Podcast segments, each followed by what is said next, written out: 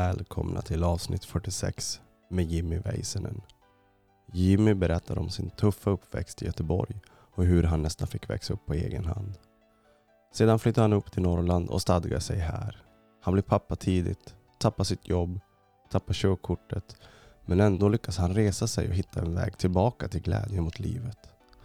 Jimmy älskar stora maskiner och kör en hel del skoter. Han har tusentals följare på sociala medier och det här är hans historia. Varsågoda. Shining brighter than the sun, I won't surrender. Watch me flying higher. I'm alive, I'm alive. Whoa. Ja, den var, Vad tyckte du? Var den bra? ja, den var ju jävligt bra. Så nu kör jag bara den nu för tiden. Alex som har Latitude 65 Ja. hjälper till. Så att, nej, de är, de är grymma. Ja. Nystartat i Jörn utanför Ja. Skellefteå tror jag. Den borde vara Skellefteå. Ja, det är mellan Arvidsjaur och Skellefteå, Jaha. tror jag. Jo, jag tror det. Men Jimmy Väisänen, sa jag rätt? Yes, helt rätt. Som det stavas. Som det stavas. Hörru du, ehm, nu får jag sitta med dig. Det är kul, intressant. Ja, Det är första gången vi träffas. får vi se. Jag ska göra mitt bästa.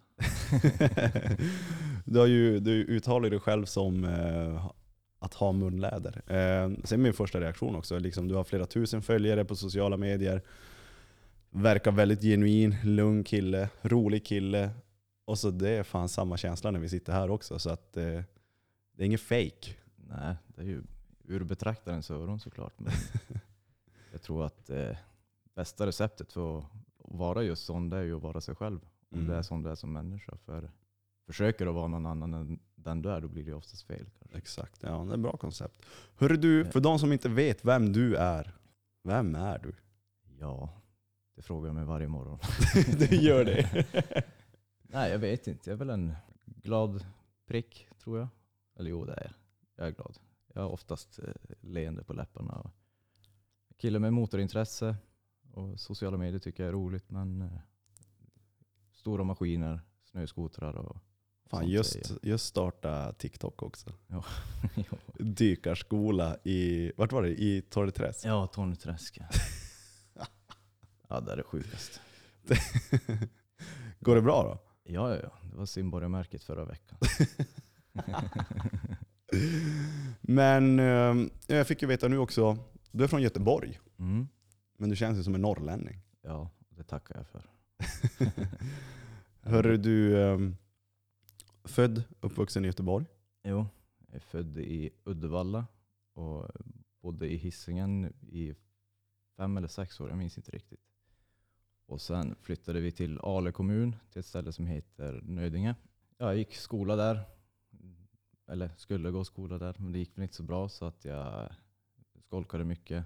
Mm. Mm. Morsan var aldrig hemma och ja, men, hade svårt att koncentrera mig, störde på lektioner och sånt där så det, det gick ju inte alls så bra. Vilken, Det, det ju, vilken klass var det här? Var det typ under fem års tid? Eller var det bara en kortare period? Nej, alltså det var ju egentligen från, från första klass egentligen till mitten på åttan. Jag hade, alltså det varit ja, men, klassens pajas. All Som right. sagt, munläder, glad. Och det är klart, där man ju stör, Mm. tyvärr. Men eh, ja, det är ju, jag hoppas ju inte att mina klasskamrater lider av det idag. Vad tror du att det berodde på? Att du ville vara... Tog du på dig den här rollen som typ klassens pajas? Ja, eftersom jag var ensam mycket, men morsan jobbade långt hemifrån och sånt där, så uppmärksamheten. Jag tyckte om uppmärksamheten väldigt Mm. mycket. Eller jag behövde den för att se mig sedd typ. Och det är klart. Man stör någon, de blir irriterad. Ja, det är ännu roligare att reta någon som blir irriterad, det är ju klart. Mm. så det blir... Nej, jag tror, nej det, är nog, det, är nog, det var nog uppmärksamhet. Mm. Men ända fram till åttan, fick du för dig att börja sköta dig sen i nian? Nej, eh, det var så här, vi har haft eh, varje jul så åkte vi upp till min moster i Vilhelmina. Studsade vi i bilen och så blåste vi upp till Vilhelmina. Och, eh, det, det här var precis innan jul. Då började jag och morsan bråka. Och så sa jag åt henne att vet jag kommer stanna där för jag, jag vill inte vara här själv liksom mer. Utan ja, jag kommer bo hos Pia då, för hon var sjukpensionär. Mm. Och då hade ju min morsa och min moster då pratat om det där redan. Och, så hon trodde att jag hade tjuvlyssnat. Bara, "Vad, Har du tjuvlyssnat när vi har pratat om det här? Mhm. Så jag, nej men det är väl en ganska bra idé, för vad har jag att hämta här liksom? Mina kompisar, det, det gick inget bra för mina kompisar. Mm. Och skolan gick ju som den gick. Och, alltså det var, vi tog det därifrån.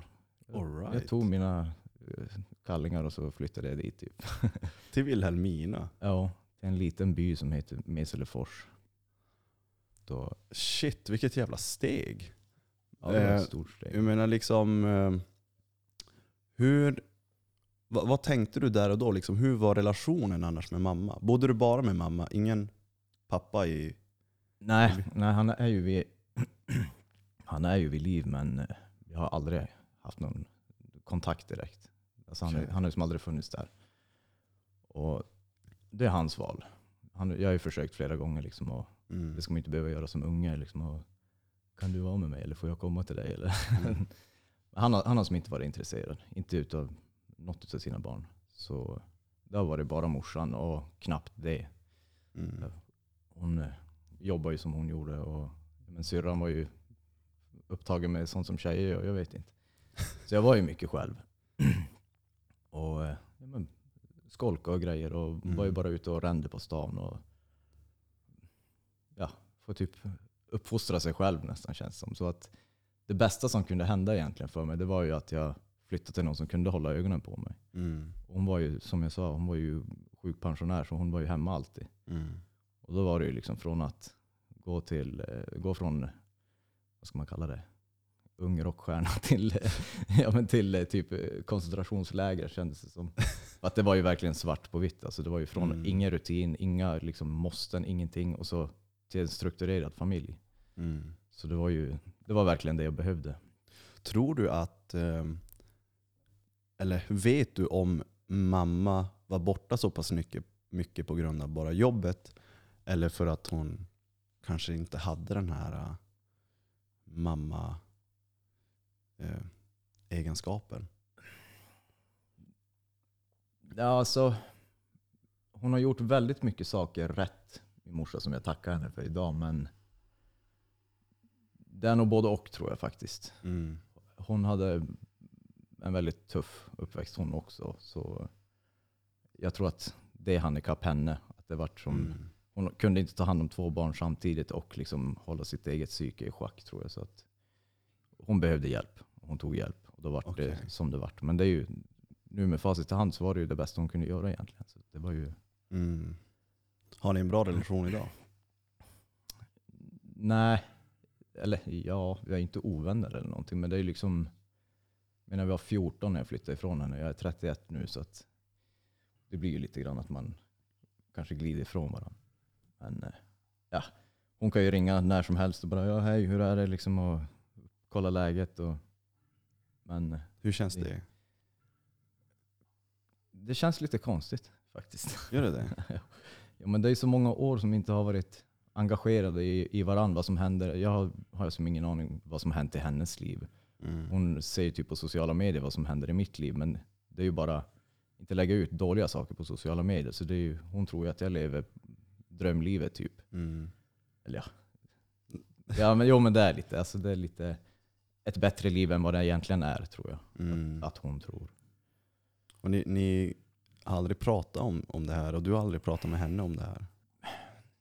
Nej, inte, nej, inte vad jag kan komma ihåg. Alltså, hon, hon försöker och hon vill ju. Men det, jag tror det är jag som stänger av. Okej. Att, eh, I många år har jag haft den här tron liksom att hon gav upp på mig. Hon Mm. skickade iväg mig för att hon ville inte ha mig. typ. Och Det medför ju att jag, ja, men jag känner mig oälskad och ensam och allt sånt där. Och, men jag har ju klarat mig hittills. Varför, Mm. va- Jag behöver ju inte henne något mer. Eller hur jag ska säga. Det låter jättehemskt men det kommer ju alltid vara min morsa och jag har ändå respekt för henne. Men hon har ganska mycket att bevisa tror jag innan jag släpper in henne så tätt in på mitt liv. har du lite eh, inställningen ensam är stark? Nej. Nej, det har jag absolut inte. Jag älskar att vara kring människor och sånt. Och jag, Nej, det, det tror jag inte. Men jag tror mer på att du kan göra precis vad du vill så länge du Mm. alltså, gör det helhjärtat. Mm. Du är kapabel till betydligt mer än vad du tror. Vad är det du vill att mamma ska bevisa för att du ska släppa in henne? Att hon bryr sig och att hon älskar mig. Va, Inte vad bara- är det för dig? Jag har ju två barn. Mm. Milton är 10 och Norton är 5. Hon har ju aldrig träffat min yngsta son till exempel. Bara där är ju en sak. Alltså det är ett ganska enkelt steg för henne liksom att visa jag vill träffa Norton. Ja, men då visar hon för mig att jag bryr mig om Mm. dig och ditt. Jag förstår. Och jag har Milton 10 och hon har träffat honom kanske tre, max fyra gånger. Och tre av de gångerna har jag åkt ner till, till henne Mm. med Milton. Så att, och det, det finns ju liksom inga ursäkter. Hon har bil, hon har körkort och allting. Och jag har sagt att jag betalar bränsle, jag betalar din resa om det nu är där det sitter. Liksom. Och, ja, jag vet inte om jag orkar köra så långt. Och, nej men, hoppa på ett flyg då, jag betalar. Mm. Och gör man inte det då, då tar jag det som att okej, det är inte så intressant. Mm. Varför ska jag lägga min energi på dig? Mm. Ja, Om du inte kan göra det. Okej om du har dåligt samvete mot mig, men mot mina barn. Mm. Du har en andra chans där. Mm. Barnbarn är nog, tror jag, det största du kan ha Mm. alltså i familjärt. Mm. Det tror jag. Det Ja. du har skapat har skapat någonting. Mm. För en generation vidare.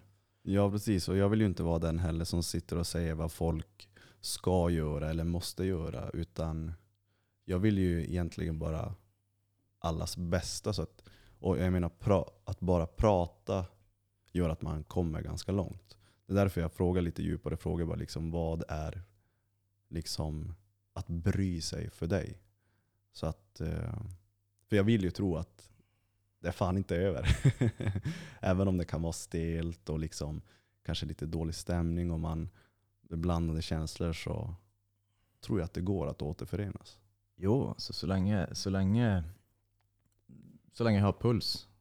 Så, ja men så länge jag har puls då finns det ju en chans. Men Ja. det är inte jag som ska vara initiativtagaren utan då ska ju hon kontakta mig. Och liksom, jag Mm. tänkte komma upp då. Är det okej? ja, jag förstår exakt vad du menar. Kan du fixa liksom så att, Mm. så att vi kan träffas allihop? Mm. Det är för mig, då visar hon att hon bryr sig. Ja. Då engagerar jag mig. Absolut, ja, jag förstår exakt vad du Men menar. jag tycker att det är hon som gör fel. Då ska inte jag vara den som Mm. går till henne. Du, kan du komma hit och träffa mina barn? Det, det kommer inte att ske. Mm. Det är hennes val. Mm. Väljer hon att ha det så, då Mm. blir det så.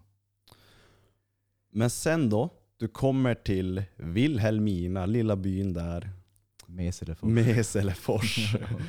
eh, hur, hur reagerar du nu på det här uh, rutiner, kanske mer vanliga livet? Alltså tänkte du fråga? Alltså hur, hur, vad händer med dig? Hur, hur, eh, hur, hur, hur fortsätter livet när du nu liksom har en som du bor med och liksom kollar till dig hela tiden? Ja, du menar så. Ja. Eh, Hon är rättvis. Mm.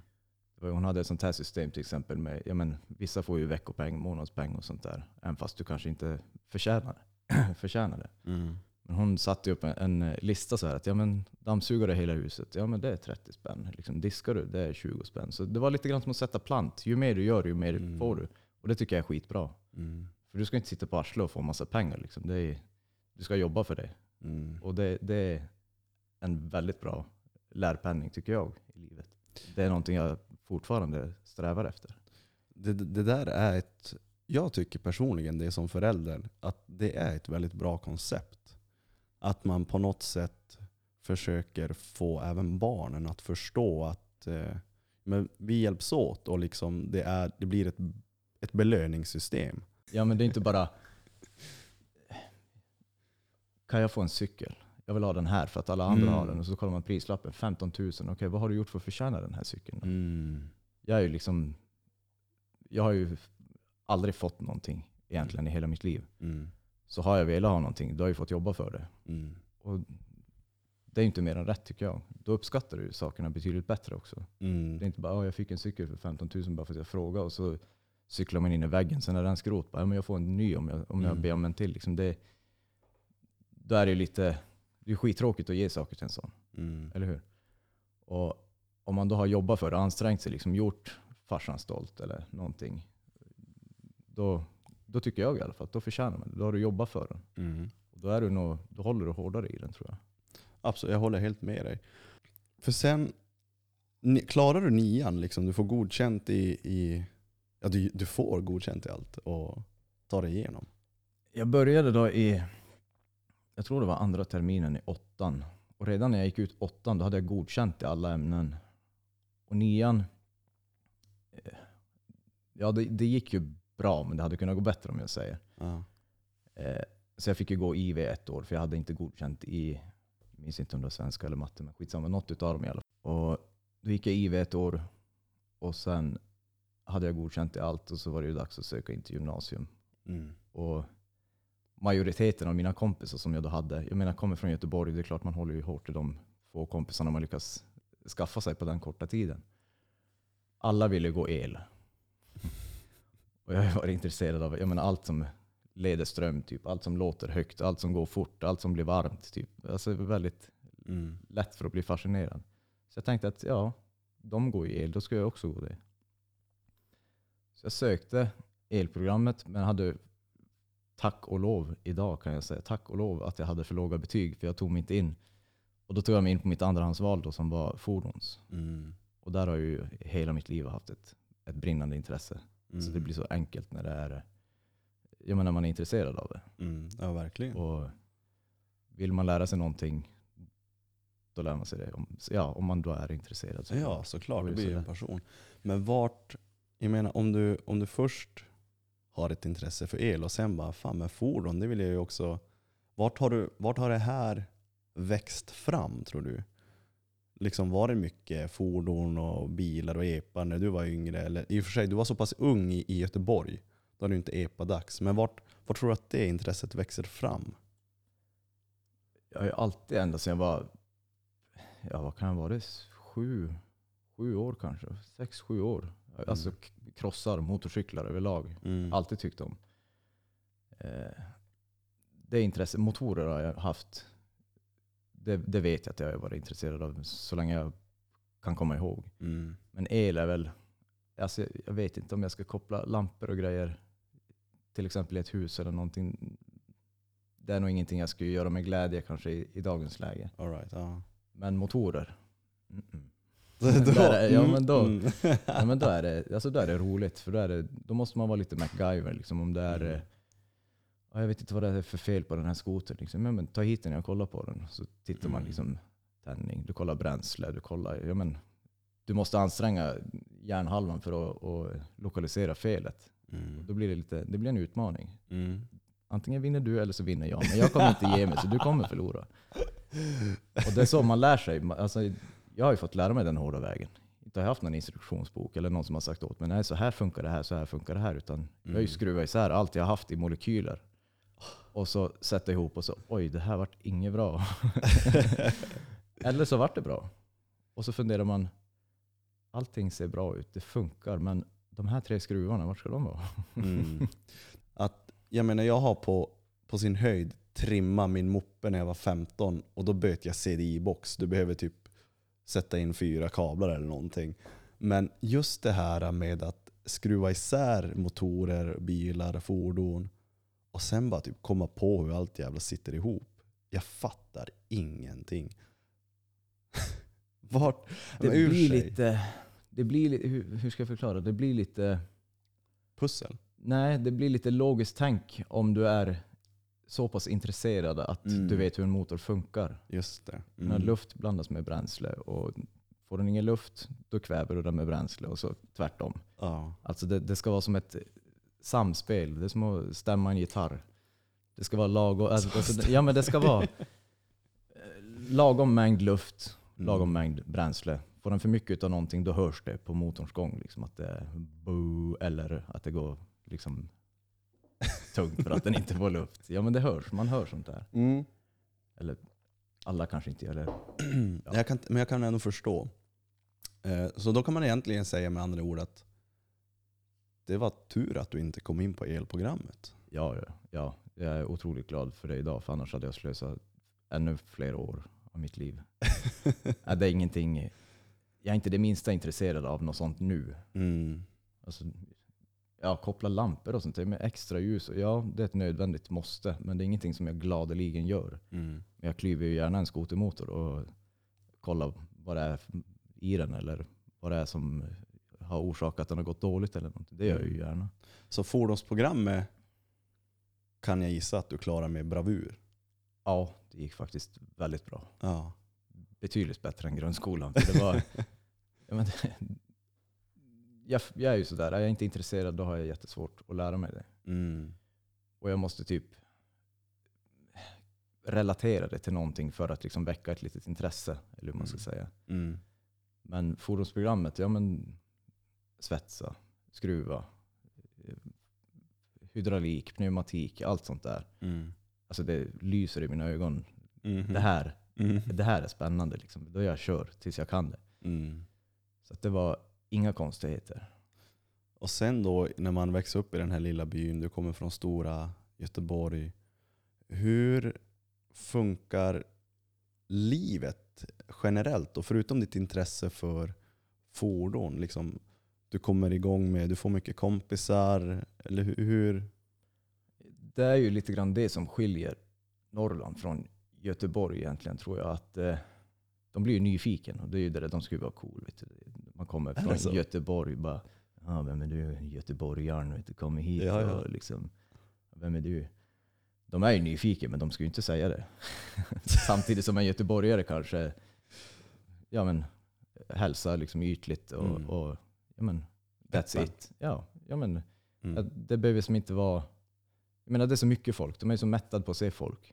Men när det kommer någonting nytt till Norrland, det är som att se norrsken. Typ. Alltså Mhm. det är ju sällsynt. Och det var tufft i den början. Det var det faktiskt. Mm. För de är ju väldigt stängd liksom och bekväm med det de har. Och kommer det då någon förändring eller någonting nytt, ja men då är det lite grann att kom inte hit och kom. Kom inte hit och kom. Ja. Men, men ni lyckas ändå, du lyckas ändå komma, bli en i gänget. Liksom.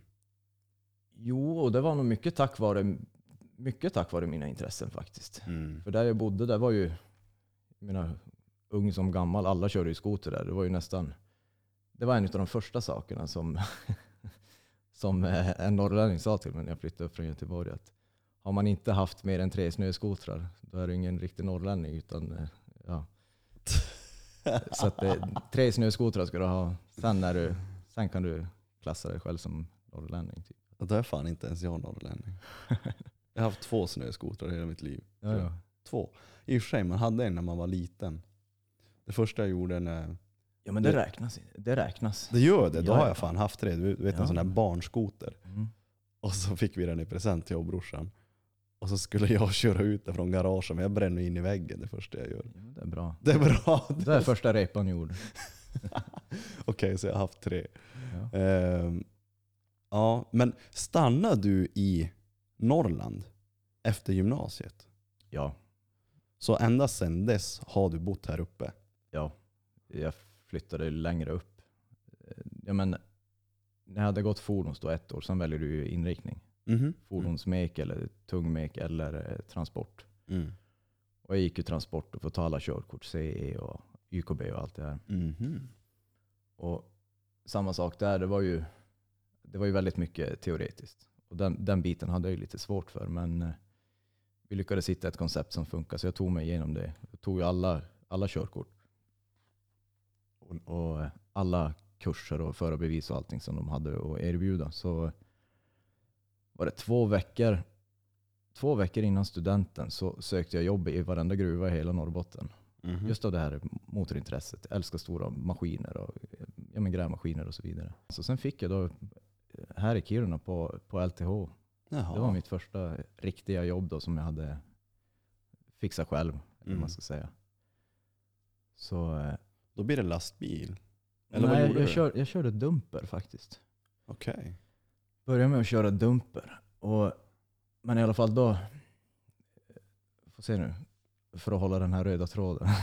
Vilken När- röda tråd. när det var- Nej, den kanske var gul. Nej, men, när det var två veckor kvar utav skolan, två veckor innan studenten, då sökte jag jobb. En vecka innan studenten, då fick jag jobbet på LTH. mm. Och då köpte jag en husvagn utav min kompis farsa. Drog upp den med min gamla toksänkta Volvo 240 jag hade då. Hade du så? ja. ja, men det var fränt. vet du. Så hade eller trodde man att man var typ eh, svetsarnas Elton John, så man brände ihop avgassystem och grejer. Och lät ju för jävligt och såg för jävligt ut. Men jag drog upp den i alla fall till Kiruna och så började jag jobba. Så du bodde i husvagn? Yes. Vart ställde du husvagnen? Lombiga parkeringen? Nej, den stod... Eh, LTH har ju ett stort garage precis vid, ja, men precis vid vägen, typ där nere vid Mm. industriområdet. Så jag hade den där. Och det var ju såklart väldigt eh, speciellt att bo på industriområde i en husvagn. Och, ja. Det är ingenting jag längtar tillbaka till, men det är... eh, Varför inte? Har det hänt hemska saker i den där Ja. husvagnen? Vet du, det var ju utanför deras industrigarage. Och det var flera husvagnar. Om någon drar på för mycket ström, ja då far ju hela fasen. Alltså hela Mm, säkringarna far. Och jag, jobb, jag jobbade ju ständig natt. Så det kan ju hända att eh, strömmen hade farit mitt på dagen. Och så på vintern då kan du tänka dig, det kan ju vara lite kallgrader där uppe i Kiruna. Så ibland när man kom till husvagnen, då, ja, det har ju varit strömlöst halva natten. Och det var ju 25 minus inne i husvagnen då på, alltså under vintern. Så det var, ja vad ska man göra? Det är bara att sova med kläderna på. Bara damma på sig kläder och dra täcket över huvudet och så vaknar man av att man håller på att brinna inne typ känns. Och Hur länge levde du så här? Oj. Det måste ha varit... Ja, inte riktigt, inte riktigt ett år, men jag men säg mellan ett halvår och år ungefär. Typ. För det var ju i... Är det juni kanske man tar studenten? Mm. Och sen bodde jag ju... Nej, jag bodde fan hela vintern där också. Det Mm. måste ha varit nästan ett år ändå. Det är fan bra jobbat. Ja, nu när jag tänker, vi har aldrig tänkt på det. Men då- ja, det var sån trailer trash. Tror du att, eh, liksom, nu har du ju som ändå stadgat dig lite grann här uppe under den där tiden. Kände du att det är här du vill vara? Ja, ju längre upp i Sverige jag kom ju bättre trivdes jag. För det är... Jag visste ju inte det här när jag var ung, att jag gillade vintrarna så här mycket. Men Mm. kyla, konstigt nog så vänjer man sig vid kylan, ja det vet väl du. Och, nej, men man vänjer sig vid kylan på ett sätt. Och jag fascineras av det här extrema klimatet som är här. Mm. Alltså när det blir kallt, då blir det kallt på riktigt. Det Mm. blåser isbjörnar och det är mörkt som i en säck. Och, och, eh, ja, men somrarna, Kiruna sommaren, det är ju bästa dagen på hela året. Alltså, men hela den här hösten, jag jagar inte eller någonting, så hösten är ju för mig jätteointressant egentligen. Jag hade velat ha vinter direkt efter sommaren. Mm. Men det är mycket fina färger och det är det här varmt på dagen och kallt på natten. Ja. Och så vidare. Ja, men det, är lite, det är lite omslag. Men sen våren, där, där är. Då, Här uppe. Mm, Alltså ja. våren här uppe.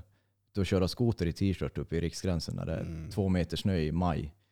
Alltså det, det kan du inte göra någon annanstans i Sverige. Nej, den, våren är ju fin just med de intressena. Gillar man skoter och vara uppe i gränsen till exempel, Ja. då är det ju helt perfekt. Och det går ju som inte att, beskriva för någon heller. Utan, ja, men, ja, det är jättehöga berg. Jaha, okej. Vad är jättehögt för dig? Ja, men vad har du sett? Liksom, har du varit... ja, men vad har du sett? Så att det blir, man måste nästan uppleva det själv för att få en, en liten verklighetsuppfattning av Mm, he, alltså hur makalöst det är egentligen. helt klart. Trodde du, du som, jag pratade med Ida här i förra avsnittet, att eh, ni från söder kanske inte vet så mycket om just Lappland? Jag tänker, trodde du typ att det fanns isbjörnar här uppe? Eller att vi bodde i lappkåtor? Eller? Jag tror att de som inte är särskilt påläst eller är så intresserade av norra delen av Sverige, jag tror att de har väldigt mycket förutfattade meningar. Faktiskt. Ah, Jag menar, ja. Det finns ju ingen tunnelbana. Nej, vi har ingen tunnelbana. Tunnelbana. Ja, nej, men hur tar du dig till jobbet? Ja, jag har väl en bil. Men vadå? Hur lång tid tar det att köra dit? Ja, men en och en halv timme, inte är det väl någonting? Får Mm. 40 minuter för att köpa mjölk? Va? Men du hade aldrig de förutfattade meningarna? Eller? nej, det vart ju som ganska pang bom. Jag hade ju som aldrig... Mm. Nu hade jag ju visserligen bara varit typ över jul och nyår och jag tyckte ju om det. Mm. De hade ju snöskotrar och grejer. Så det var ju liksom, kom med Glenn från Göteborg där och ska köra skoter liksom. Det var ju, ja men du förstår vilken syn, oj oj oj. Men eh, sen har man ju som inte tänkt mer på det egentligen. Utan det, det var Mm. vad det var då. Och det var Mm. det man kom ihåg. Liksom. Men Ja, nu, nu är det liksom, nu när jag har bott här i, så många år så vet man att okej, Mm. nu börjar det. Nu börjar den här bästa perioden. Det här tycker jag om och det här betalar jag mycket pengar för inom skoterkörningen. Mm. Det är det här man betalar för så att säga. Mm. Så, men eh, jag känner ganska mycket folk och, och det är när man hör deras sätt, eller tankesätt på Norrland, då är det liksom att jag gissar inte ens säga någonting. Kom Mm. upp och titta bara. Ja, ja, bara, Det är väl bara skog där uppe. Men är det det? Ja, det är jättemycket skog här uppe, men det är Kiruna kommun, det är väl Sveriges största kommun till ytan tror jag. Det är väl typ världens näst största kommun till ytan. Ja, till och med det. Ja. Ja, du ser. Bara en sån sak. Ja, men naturen är ju... Gillar man nu eh, tegelstenar eller betong eller någonting, ja, men då är nog inte Norrland, det är nog ingenting för dig. Men alltså, Mm. gillar du natur, gillar du himmel, gillar du, alltså fascineras du av sådana saker, Mm. ja, åk och titta. Mm. Men sen också, du sa att din, din äldsta son är 10 Mm. nu och du, och du är 31 nu. Du blev pappa ung också. Ja, jag hade precis fyllt 21. Så att eh, liksom hur, hur spelar en sån roll in nu när du har, jag menar du har stadgat dig här uppe i Lappland och liksom du har din passion, du har jobb på LTH. Och det, det känns som att det händer mycket i ditt liv där och då. Ja, nu berättade jag inte allt som hände där och då. Det var, det var egentligen... Ja, jag vet inte vart jag ska börja men Efter Trailer Park-tiden. nej, det var Under? precis i den tiden faktiskt. All right. Jag hade jobbat på LTH i sex månader. Ständig natt, 12 timmars skift. Och jag älskade det då. Och så fick jag tillsvidareanställning. Men vi hade inte skrivit något papper. Eftersom jag jobbade natt så for jag ju hem eh, right. ja, men tidigt på morgonen när de kom dit. Så de sa bara, ja men vi tar det nästa arbetsvecka. Så skriver vi papper då. Och jag var ju överlycklig. Så jag skulle då fara hem till, eh, jag for ner till Vilhelmina då till eh, min fosterfamilj som jag bodde hos då. Och så skulle jag berätta att jag har fått tillsvidareanställning. Så Mm. jag var ju jätteexalterad liksom. Och, ja, men, hade väl lite för tung högerfot. Så jag tappade ju alla körkort. Nej. Alltihop, rubb och stubb. De klippte det på plats. De sa du får köra i 48 timmar. Vad körde du? Hur fort? Tillräckligt. Vill du inte säga? Jag körde 180 på 100 väg. Ja. Men det var, inte, alltså det var ju typ sju på morgonen. Och, men ung och dum. Mm. Nu kör jag ju som man ska. Men eh, nej, så det var, jag fick köra 48 timmar. Så då blåste jag ner till Vilhelmina och packade bilen full. Och så flyttade jag upp till husvagnen på heltid. Mm. Och sen tänkte jag att jag, jag vill ha mitt på, på det säkra. Ja, vad gör jag? Jag ringer till chefen. Berättar, jag har tappat alla körkort. Okej, då river jag ditt anställningsavtal. Vi har ingenting att erbjuda om du inte har något körkort. Vilket Mm. jag förstår, det är klart. Mm. Så jag bodde i en husvagn, inget jobb, inget körkort. och i samma veva så träffade jag då Miltons mamma. Och allting gick väldigt fort. Av eh, en anledning så blev hon gravid och valde att behålla då. Och, eh, jättefin pojk. Det är, inget, det är ingenting jag ångrar, absolut inte. Och, eh, men just då, var det, alltså just då var det inte så passande faktiskt. Mm. Ja, men hur ska jag försörja? Liksom, jag visste ju inte. Men nu har du inget jobb heller. Nej, då hade jag inget jobb. Och så bor jag i en husvagn mitt i vintern. Inget körkort. Jag kunde inte fara och handla mat. Utan jag fick ju promenera då från LTH upp till Statoil och köpa en dyr burk med köttbullar eller någonting. Jesus. Så det var, nej, det var en tuff Hur, period. hur hanterar du det här där och då? Då tänkte jag att det är jag som har gjort fel. Det är bara att jag står mitt kast. Vad ska jag skylla på? Det är bara, det, jag har mig själv att skylla. Är jag så dum i huvudet då får jag skylla mig själv. Så det var bara att traska mitt i vintern och gå och köpa mina köttbullar. Ja, du skyller på dig själv för att du tappade jobbet och körkortet. Ja, ja, det är ju min idioti. Det, var, ju, det var jag som gjorde fel. Skit ska skit ha. Eh, Var du, var du tillsammans med Miltons mamma länge? Eller där och då? Nej, det var vi inte. Men det, nu vet jag ju inte riktigt vad... Det här är väl egentligen ingenting som varken... Vi funkade inte så bra ihop. Mm. Så vi, vi var väl... Ja, vad kan det ha varit? Nästan två år tror jag vi var tillsammans. Mm. Men sen var det... Nej, vi var inte bra för varandra. Ja, nej, men alltså, Kort- jag kort menar, sagt. nej, man behöver inte gå in på detaljer, men, men, men jag menar, eh, livet har ju sin gång. Mm. Och alla är inte menade att vara med alla. Så att, eh, men hur länge tog det innan du fick tillbaka typ körkortet, jobb? Hur, hur, hur går det och den biten? Ja, eftersom jag hade prövotid kvar så vart det ganska hårt. Oh. Jag hade en månad kvar av prövotiden tror jag också dessutom. Mm. Eh, får se nu. Jo, jag började jobba på, eh, vad heter de, Kiruna, vad heter de, svetsfirma. Um, Mats Nordin, Det Kiruna Wagon? nej, Gruvmek. Gruvmek, heter de. Gruvmek? Ja. Ja. Det var Minnas kusin, eh, June, som fixade in mig där. All Han, right. han jobbade ju där så han, eh, han fixade in mig där och jag fick väl göra- ja, men, lära mig under resans gång. Jag hade ju svetsutbildning men var väl ingen höjdare på det. Men jag fick en inkomst i alla fall. Mm. Så jag var ju tacksam för den hjälpen jag fick.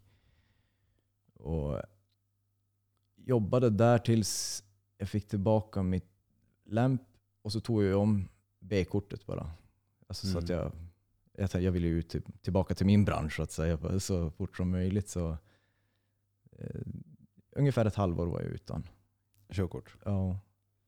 Jag var ju direkt när spärrtiden gick ut, då, var, då dök jag in på, på trafikskolan Ja, och ja. jag ska ha körkort. Ja. Så jag tog tillbaka det och sen ringde jag då till ja, men samma firma, LTH, så att nu har jag tagit tillbaka mitt körkort. Så att, eh, har ni någonting åt mig? Och jo, det hade de, så jag fick föra dit. Men då fick jag köra hjullastare. Mm. Så det var lite omväxling. Och, ja, jag fick inte köra dumper för att jag inte hade något C-kort. Och då måste jag ha högre behörighet för, för sådana där bananraketer. Och jobbade i ett sorteringsverk och, och sorterade ut jag menar, olika, jag behöver inte gå in på detaljer, det är ganska tråkigt. Men, eh, den sorterar ut större och mindre sten, alltså koncentrat eller sten eller hur man ska förklara. Mm. Eh, och sen, det, var, det här var under sommaren blir det då. Jo det blir det, under sommaren. Och de kör ju bara den där, alltså det där jobbet var bara säsongsjobb. Så då sa de att nu, nu får du dra liksom, vi har inget mer till dig. Mm. Och då sökte jag jobb i Svappavaara. De hade en tjänst ute, det var en 100 tons hjullastare som var i produktion, alltså på tonpris. Mm. Alltså jag, kunde, jag hade ju aldrig lastat en truck förut, jag hade ingen aning, men jag tänkte jag kör. Mm. Jag kör.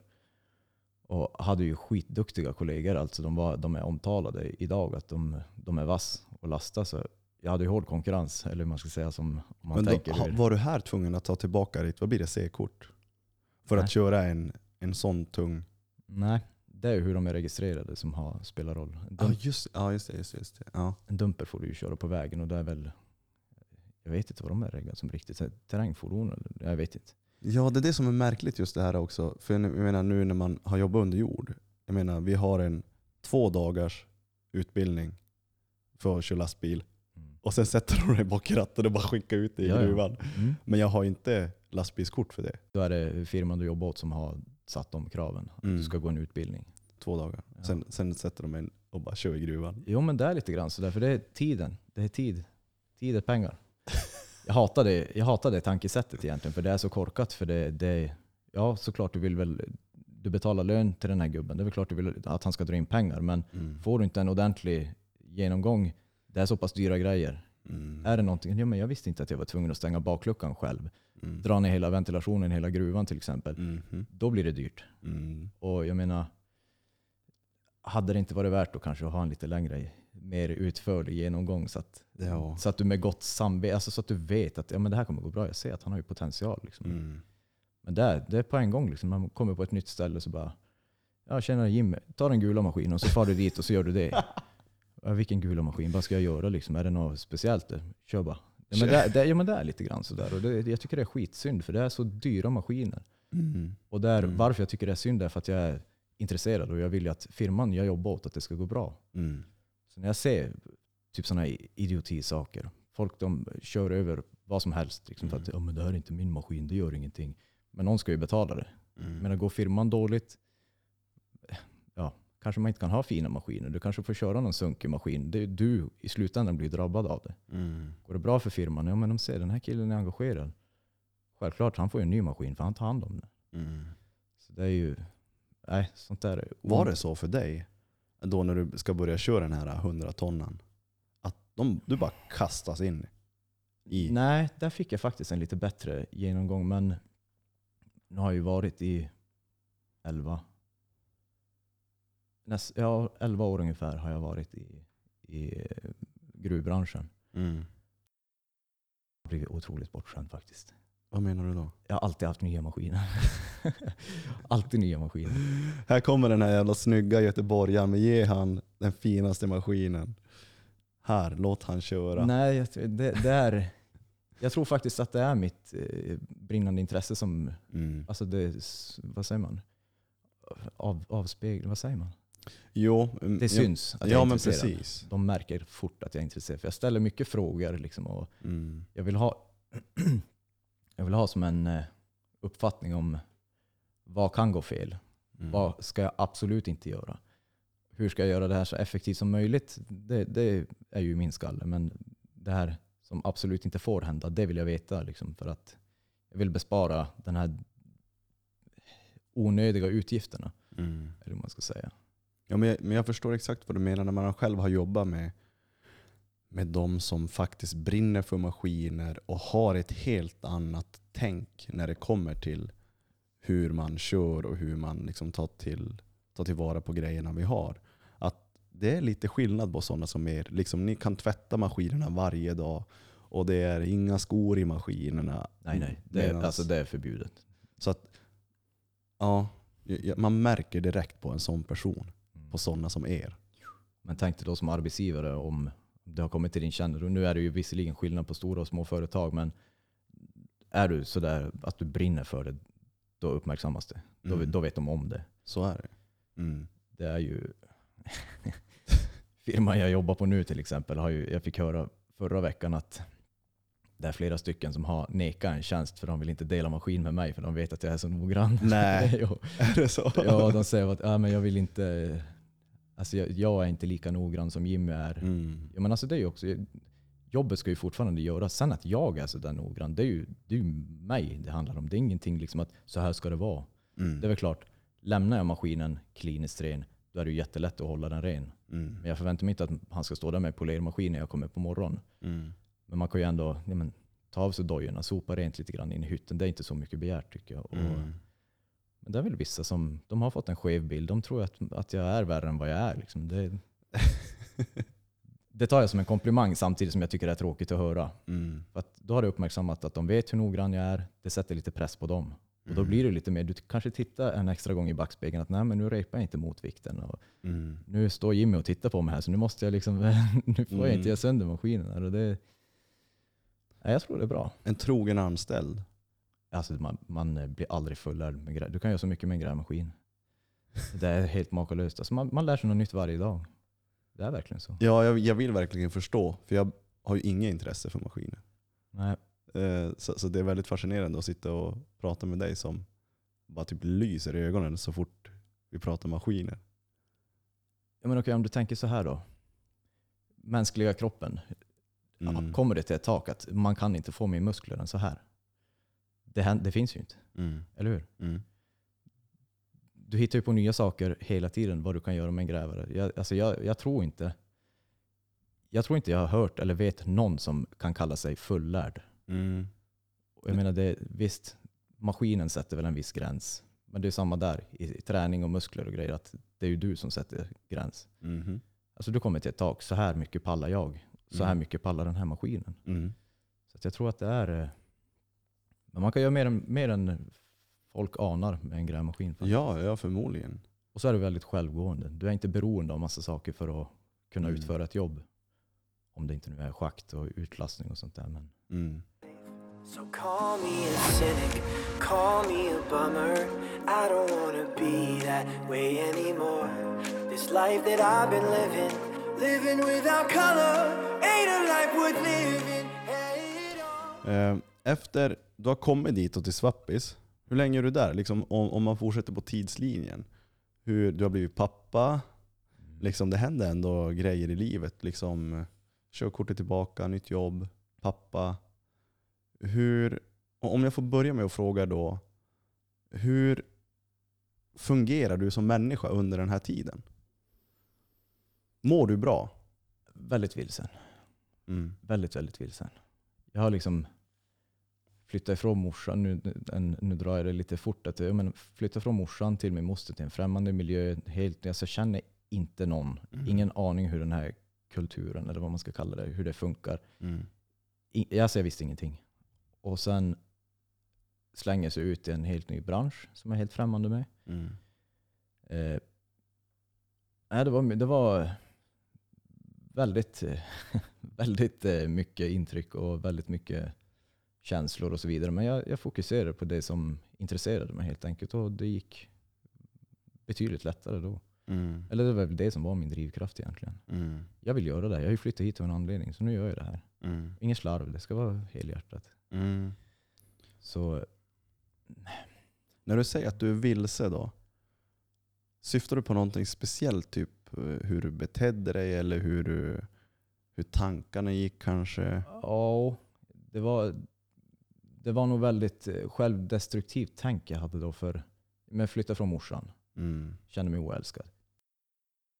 Svarta fåret. Alltså det var ju som hela Mm. tiden att jag hade som ingen trygg, trygg punkt. Vart jag än vände mig så hade jag ingen trygg punkt. Jag hade ingenstans att vända mig tillbaka om, säg när jag tappar körkortet till exempel. Var ska jag Mm. fara? Mm. Jag hade ingen val. Det var ju bara att bo i husvagnen. Mm. Var skulle jag fara? Så det är ju... Jag var tvungen liksom att ta mig i kragen och, och fixa det själv. Och man blir väldigt självständig. Mm. Alltså man blir stark och man blir självständig. Och Du kanske har Ja, men- fått växa upp lite grann, som du också sa tidigare, på egen hand. ja, ja, ja. Även när du är vuxen så Ja. får du fortfarande växa upp än. ja jo. Det var fram till egentligen, fram till jag var kanske 25 eller 26 som jag började känna själv att alltså jag kan inte hålla på så här. Jag, måste, nu, jag var väldigt omogen i väldigt många år och levde verkligen, kände lite grann att jag typ levde för dagen. Att jag Mm. sket i, i morgondagen. Jag tar inte den för givet. Liksom. Var, varför ska jag göra det? Mm. Och det är absolut inte ett bra tänk. Det är ett väldigt omoget tänk och, och jag tror det är väldigt självdestruktivt att tänka så. För det blir ju att, ja men då bryr man sig inte om det där för man vet inte om man kommer ha morgondagen framför sig. Liksom. Och, ja men alltså just det här att man kände, jag kände mig så ensam. Mm. Jag hade ju ingen. Jag hade ingen här i Kiruna. Mm. Inte någon. Och så skulle jag bli farsa. Mm. Det är en ganska stor grej. Mycket känslor, mycket tankar och mycket hur, ja, hur ska det här gå? Jag kan inte ta hand om mig själv. Hur ska jag ta hand om en unge liksom? Och sen den här jobbbiten. Och, ja, det, var, det var väldigt mycket på en gång faktiskt. Men någonting som alltid har hjälpt mig och säkert många andra också det är att eh, jag begravde mig i jobb. Mm. Alltså jag jobbar, jobbar, jobbar så mycket jag bara orkar. Och, eh, ja, nej, det, det, nej, det är som du säger. Att man, jag har nog fostrat mig själv väldigt mycket. Ska jag tro. Gått den hårda vägen. ja, precis. LHS, livets hårda skola. Ja. Eh, för jag menar, sen säger du också, du du har två barn och din andra grabb är fem. Eh, men det är inte med samma mamma som med Milton. Nej, nej. Det är... Får se nu hur vart det. Jag menar det tog slut mellan mig och Minna. Det, var, det är alla som har haft med Malmfälten att göra, eller norra delen av Sverige, vet att det är bostadsbrist överallt. Liksom det, finns ju, det är jättesvårt att få tag på boende. Mm. Så eh, jag sökte egentligen där det fanns. Tog mina kallingar under armen igen och så flyttade jag till Luleå. Och eh, ja, jag var väl själv i, nu vet jag inte hur länge, men jag, jag var singel och samma där, väldigt vilsen. Väldigt, väldigt vilsen. Var du tillbaka Återigen. till det här rockstar-livet? Ja, tyvärr. Alltså det var, Det var Tinder, det var fest. Det var... ja mycket, mycket fest var det. Det, det Mm. var det, men inget... Nej, jag, jag vet det var en beta-version av ett rockstjärneliv kan man kalla det. Mm, ja, jag förstår vad du menar. Men eh, sen då där i Luleå så träffade jag en tjej. Och det var väl egentligen, alltså, jag vet inte hur jag ska förklara. Det var egentligen ingenting som, eh, jag kände inte att, ja men det här är, det här är, det här är min partner, det här är min livskamrat. Det kände jag inte, utan det var mer att, att ha någon tror jag Mm. Faktiskt. Att det är, eh, ja, men eftersom jag var så själv och så flyttade jag igen till en främmande stad. Liksom. Jag, det, var- det var skönt att ha någon. Mm. Och det gick ganska fort där också. Ja, men vi träffades och vi, vi hade jätteroligt ihop. Och vi blev tillsammans och sen ganska kort tid därpå så vart ju hon gravid också. Och ja, det vart en, en till son som ser ut som mig. Det båda mina söner ser ut som mig tycker jag själv. Men starka gener. Och eh, funkade ungefär lika länge där. Vi var ju så olika som människor. Så att, det, Det som ändå, förlåt att jag avbryter, men det som är att du vågar erkänna att bara vilja ha någon. Jag tror att det har varit så för väldigt många människor. Att man är vilse en tid i sitt liv. Det är absolut inget onormalt. Jag tror att många är vilse. Man har själv varit där. Och sen då, men att komma till insikt som du sitter här idag 31 år gammal och våga erkänna, alltså, men fan, jag behövde bara någon. Och- och- det, det Och, och jag menar, det är ju ett tecken på att du förmodligen har lärt dig någonting av den här kanske destruktiva tiden. Jo, alltså när man blir ju väldigt... Jag är ju en tänkare. Jag, jag tänker väldigt mycket, Mm. analyserar väldigt mycket. Och när jag kom till den insikten att varför är det så här? Det här är ingenting jag vill göra. Och det, redan där blir ju relationen liksom halvhjärta. Det blir som inte på riktigt. Mm. Men jag hade ju någon i alla fall. Och jag tror att det är, som du säger, fler än man anar som är vilsen och bara behöver någon. Och det kan ju vara att de är rädda att vara själv. Mm. Det kan vara att de känner sig otillräckliga eller att vad, vad det än kan vara. De behöver någon bara. Mm. Det är egentligen på senare år som jag har reflekterat över det. Att varför gjorde jag det där? Eller varför, hur kunde det bli så där? Mm. Och, ja, men, till slut att lista ut att det, det måste jag vara därför. Det har med min uppväxt att göra. För steg ett i sådana här situationer tycker jag är att faktiskt våga erkänna för sig själv. För jag har själv varit där, bara ha någon. För att man känner sig ensam eller man har destruktiva tankar. Man är en grubblare. Och om, skillnaden då, om du har en sån som dig, eller som mig Jimmy, som har de här, ja men jag behöver någon. Men den här människan vågar aldrig komma till insikt eller vågar aldrig erkänna för sig själv att ja, men jag behöver bara någon. Utan den människan lever på som vanligt. Han kommer ju, den här personen kommer ju förmodligen ha samma historia livet ut. För att den har aldrig kommit till insikt, vågar aldrig erkänna. Och så står man där en vacker dag. Ja fy fan, jag hade aldrig någon som jag orkade leva med. Fast vad då du orkar leva med? Det är kanske du som är problemet. Förstår du? Och skillnaden då till att faktiskt komma till insikt att men jag behöver ju bara någon. Det är jag som måste ändra på mig själv. För att kunna hitta en mer stabilare partner eller ett stabilare vardag. Vet du vad jag tror att det handlar om? Mm. Att folk bryr sig alldeles för mycket om vad folk tycker om en. De är rädda att bli dömd eller känna sig sämre än någon annan. Mm. Det tror jag faktiskt. För eh, jag är ju väldigt öppen just med det där. För att, ja, men det är så det är. Mm. Vad spelar det för roll? Ju tidigare jag kommer på det, ju bättre är det väl. Ju tidigare kan jag göra någonting åt det. Mm. Eller hur? Och sådana som inte vågar göra det, de går ju och väntar på någonting men de vet inte vad de väntar på. För det kommer aldrig någonsin under någon, två, tre, fyra livstider. Det kommer aldrig komma någon Mm. med två öppna händer och här har du, för det här behöver du. Mm. Jag kan vara med dig för att du behöver en person Mm. i ditt liv. Det är ingen som kommer göra det. Nej. Så vad väntar de på? Mm. Gör någonting åt det. Mm. Gnäll inte. Gör någonting åt det. Exakt. Och det är därför det är så skönt att höra att man i, i ditt fall nu har tänkt, har rannsakat dig själv och har kommit till insikt att ja men fan, så här var det och så, så här var jag. Men jag har lärt mig någonting utav det. Och, ja, precis. Sen kanske det inte slutar i alla fall i liksom, nu har du två barn som, som, var en, som blev en del av de här äh, förhållandena. Alla kanske inte har sån stor påverkan på livet. Men nu har det skett och liksom, som du säger, det är ingen idé att gnälla. Nej, det är inte Det är liksom... Jag menar, om jag ska jämföra hur jag var tidigare och hur jag är nu. Mm, Jag insåg problemet, jag gjorde någonting åt det. Idag vet jag varför. mm, Och jag tror att det är det som har gjort att jag är så väldigt säker i mig själv. Och det jag skäms inte för det. det vad, vad ska jag skämmas för? mm, Ja, men, det är väl snarare... Jag tycker att det är bättre att vara öppen och ärlig om sådana saker. För det, Mm. alltså man, man behöver inte leta en offerkofta att sätta på sig. Utan det kan, vara att, det kan vara att skapa förståelse. mm, Att nästa människa du träffar, de kanske, ja, men då vet de att mm, okej, han, är en, han, han har varit så här tidigare. Men jag känner ju nu liksom att mm, han är inte så mer. mm, Han har, han har, han har grejer det där. mm. Och nu är han med mig för att han vill det, inte för att han behöver mig. Exakt. Och det är en väldigt skön känsla i kroppen när du kommer till den insikten. Mm, Och som jag sa, att jag tror att folk är alldeles för rädda liksom för vad andra tycker om dem. Och när du kliver över den tröskeln och slutar bry dig. mm, Alltså det är som att, jag lovar dig, skita ut ett berg. Alltså det är så skönt. Jag menar, det spelar ingen roll vad du gör i livet. Gör du någonting och säger ett ord fel, mm, då kommer du få höra det. mm, Och så what? Om två år, fem år, tio mm, år, vem kommer ihåg det?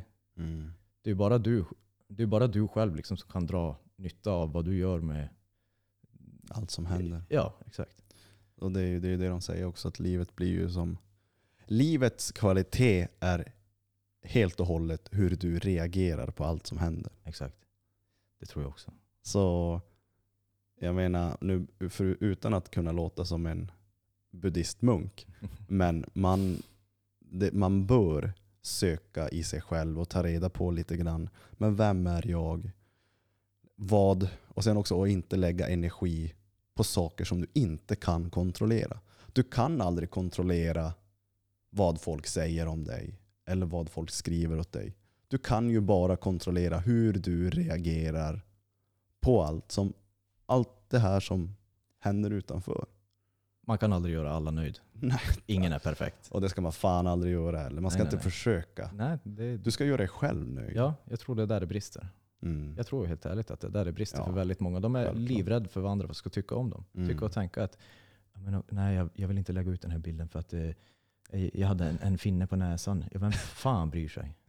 Vem bryr sig? Mm. Ja, men filter hit, filter dit. Ja, okej. Mm. Vad spelar det för roll? Mm. Om du, okej, du har filter på dina bilder. Du träffar en tjej som du vill ha kanske. Och så ser hon dig i verklighet. Då blir hon ju besviken. Ja men du förstår tankesättet. Att Ja, det, det är en sån med. fasad. Det är sånt... eh, Mm. nej, the real deal. Öppna kort, var Mm. ärlig. Ta tag i problemen. Gnäll inte om du inte gör någonting åt det. Mm. Helt rätt. Helt rätt.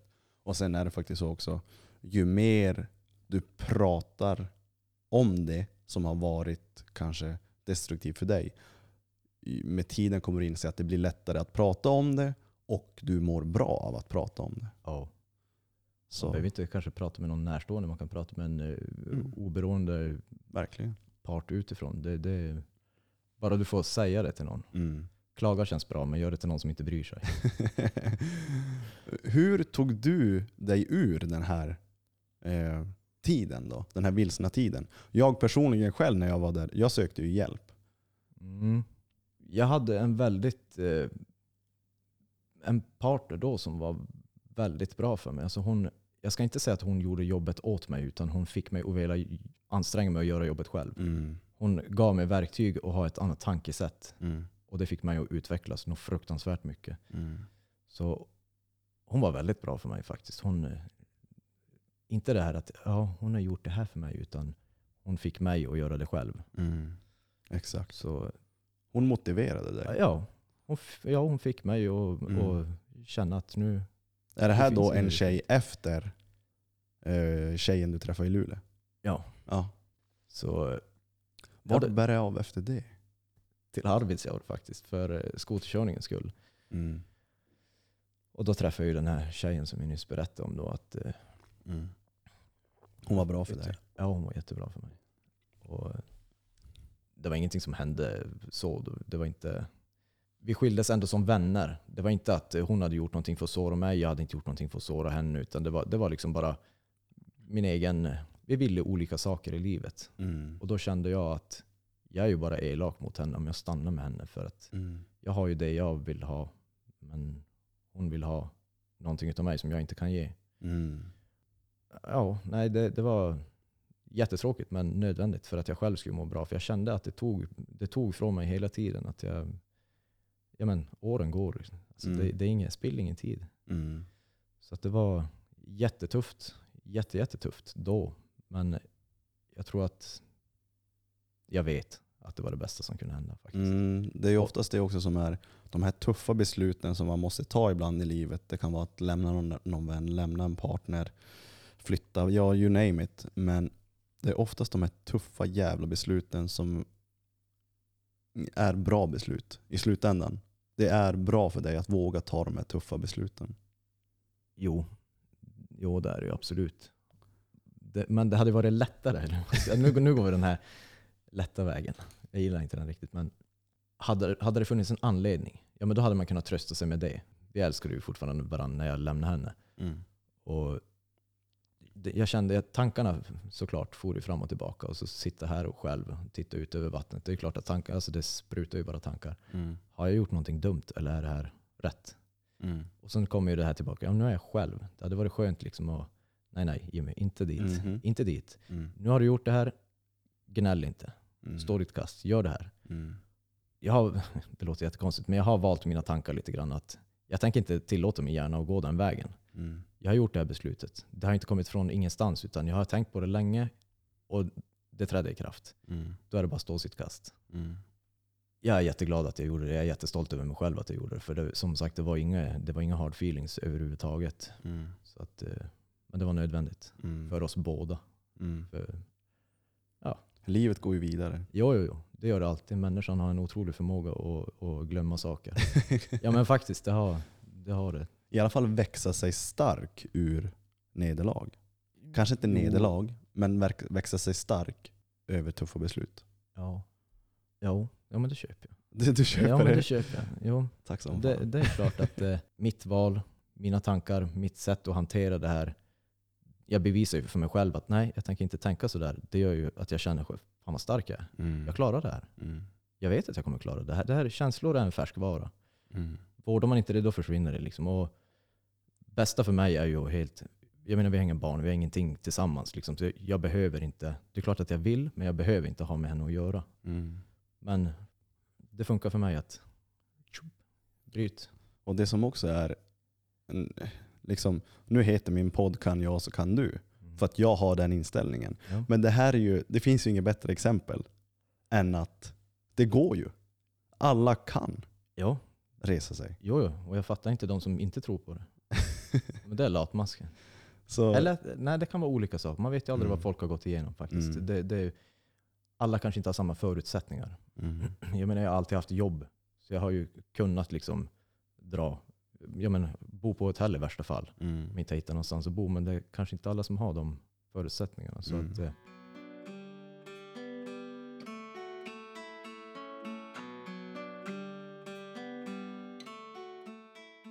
Jimmy i alla fall, du har ju en stor jäkla följarbas som sagt på dina sociala medier. Och liksom, det är skoter, det är maskiner, det är dirt clothing. Du, är du sponsrad? Dirtkult. Dirt Jo. Kult? Yes. Så du är hur funkar det?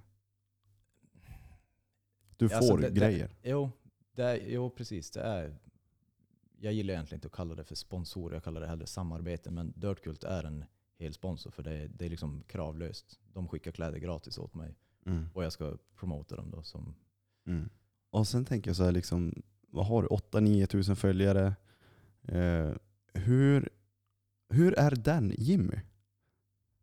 Kanske lite mer eh, sociala medier Jimmy, liksom med allt du lägger ut och ditt skoter.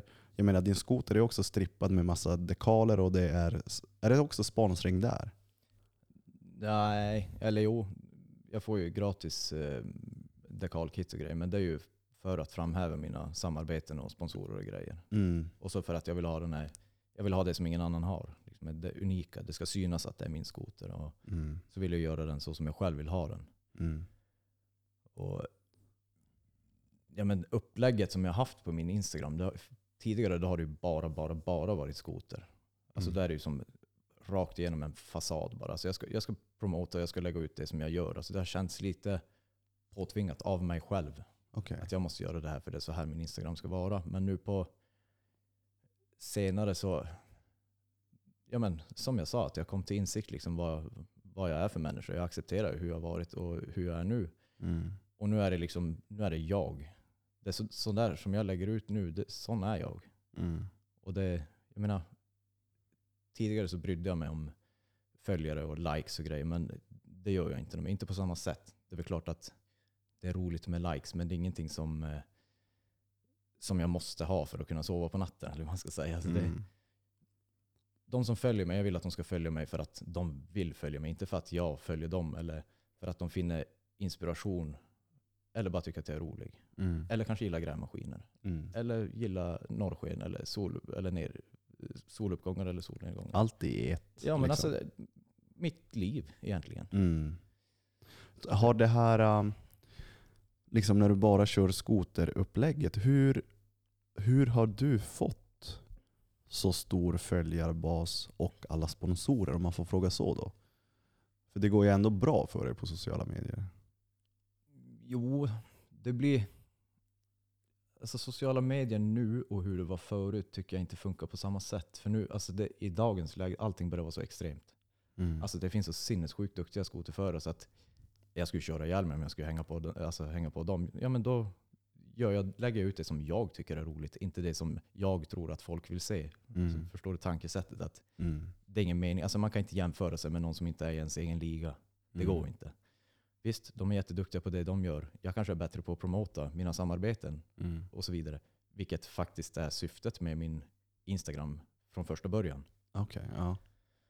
Och ja, men det var ju, de hjälper mig och jag hjälper dem. Mm. Och det var bara det. Det var liksom hela den här faderullan man ska skriva på engelska och det är rätt hashtag. Så nu skiter jag blanka fan i det där. Ja, men nu ska jag promota ett märke, ja men då riktar jag in mig på det. Liksom. Men det kan vara någon rolig text eller någon quote eller någonting. Mm.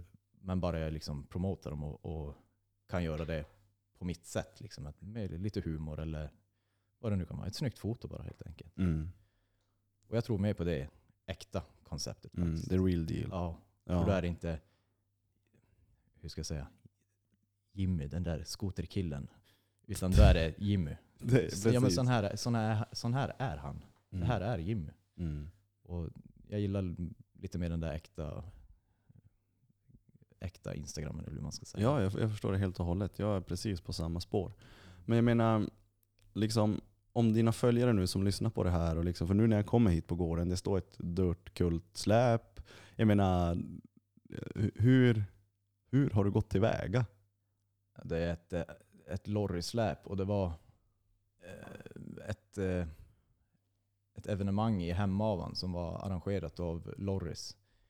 Men de hade ett event i Hemavan för två år sedan nu är det. Och det hela gick ut på liksom att det skulle vara 40 pers och det skulle vara en tävling liksom som alla hade egentligen kanske mer eller mindre samma förutsättningar de som kanske inte var så duktiga. Ja, det är olika klasser liksom. Alltså vissa är ju duktigare än andra och vissa är sämre än andra och så vidare. och Så vidare. Så då hade de en, en gren, det var att bästa ankomstbilden. Alltså när du kommer dit och du ska fota dig mellan lorryskyltarna och grejer. Alltså det bästa ankomstbilden. Mhm. Sen om du ställer skotern på huvudet eller om du lägger den upp och ner. Eller, ja, men, ja, men du ska få någon att liksom haja till på din, ditt foto. Mm. Och sen var det bästa, bästa ankomstbilden, bästa lastbilden. Typ att du lägger skotern på huvudet eller någonting. Ja men du förstår. och så bästa actionbilden när du kör under eventets gång. För vi körde ju två dagar, tror jag det var. Och ett snyggt foto. Mm. Du ska liksom, det här, det här ska sälja. Mm. De ska kunna använda det som reklam och så vidare. Och sen bästa fastkörning. Det är ju klassiker. Det kan ju alla. Eller hur?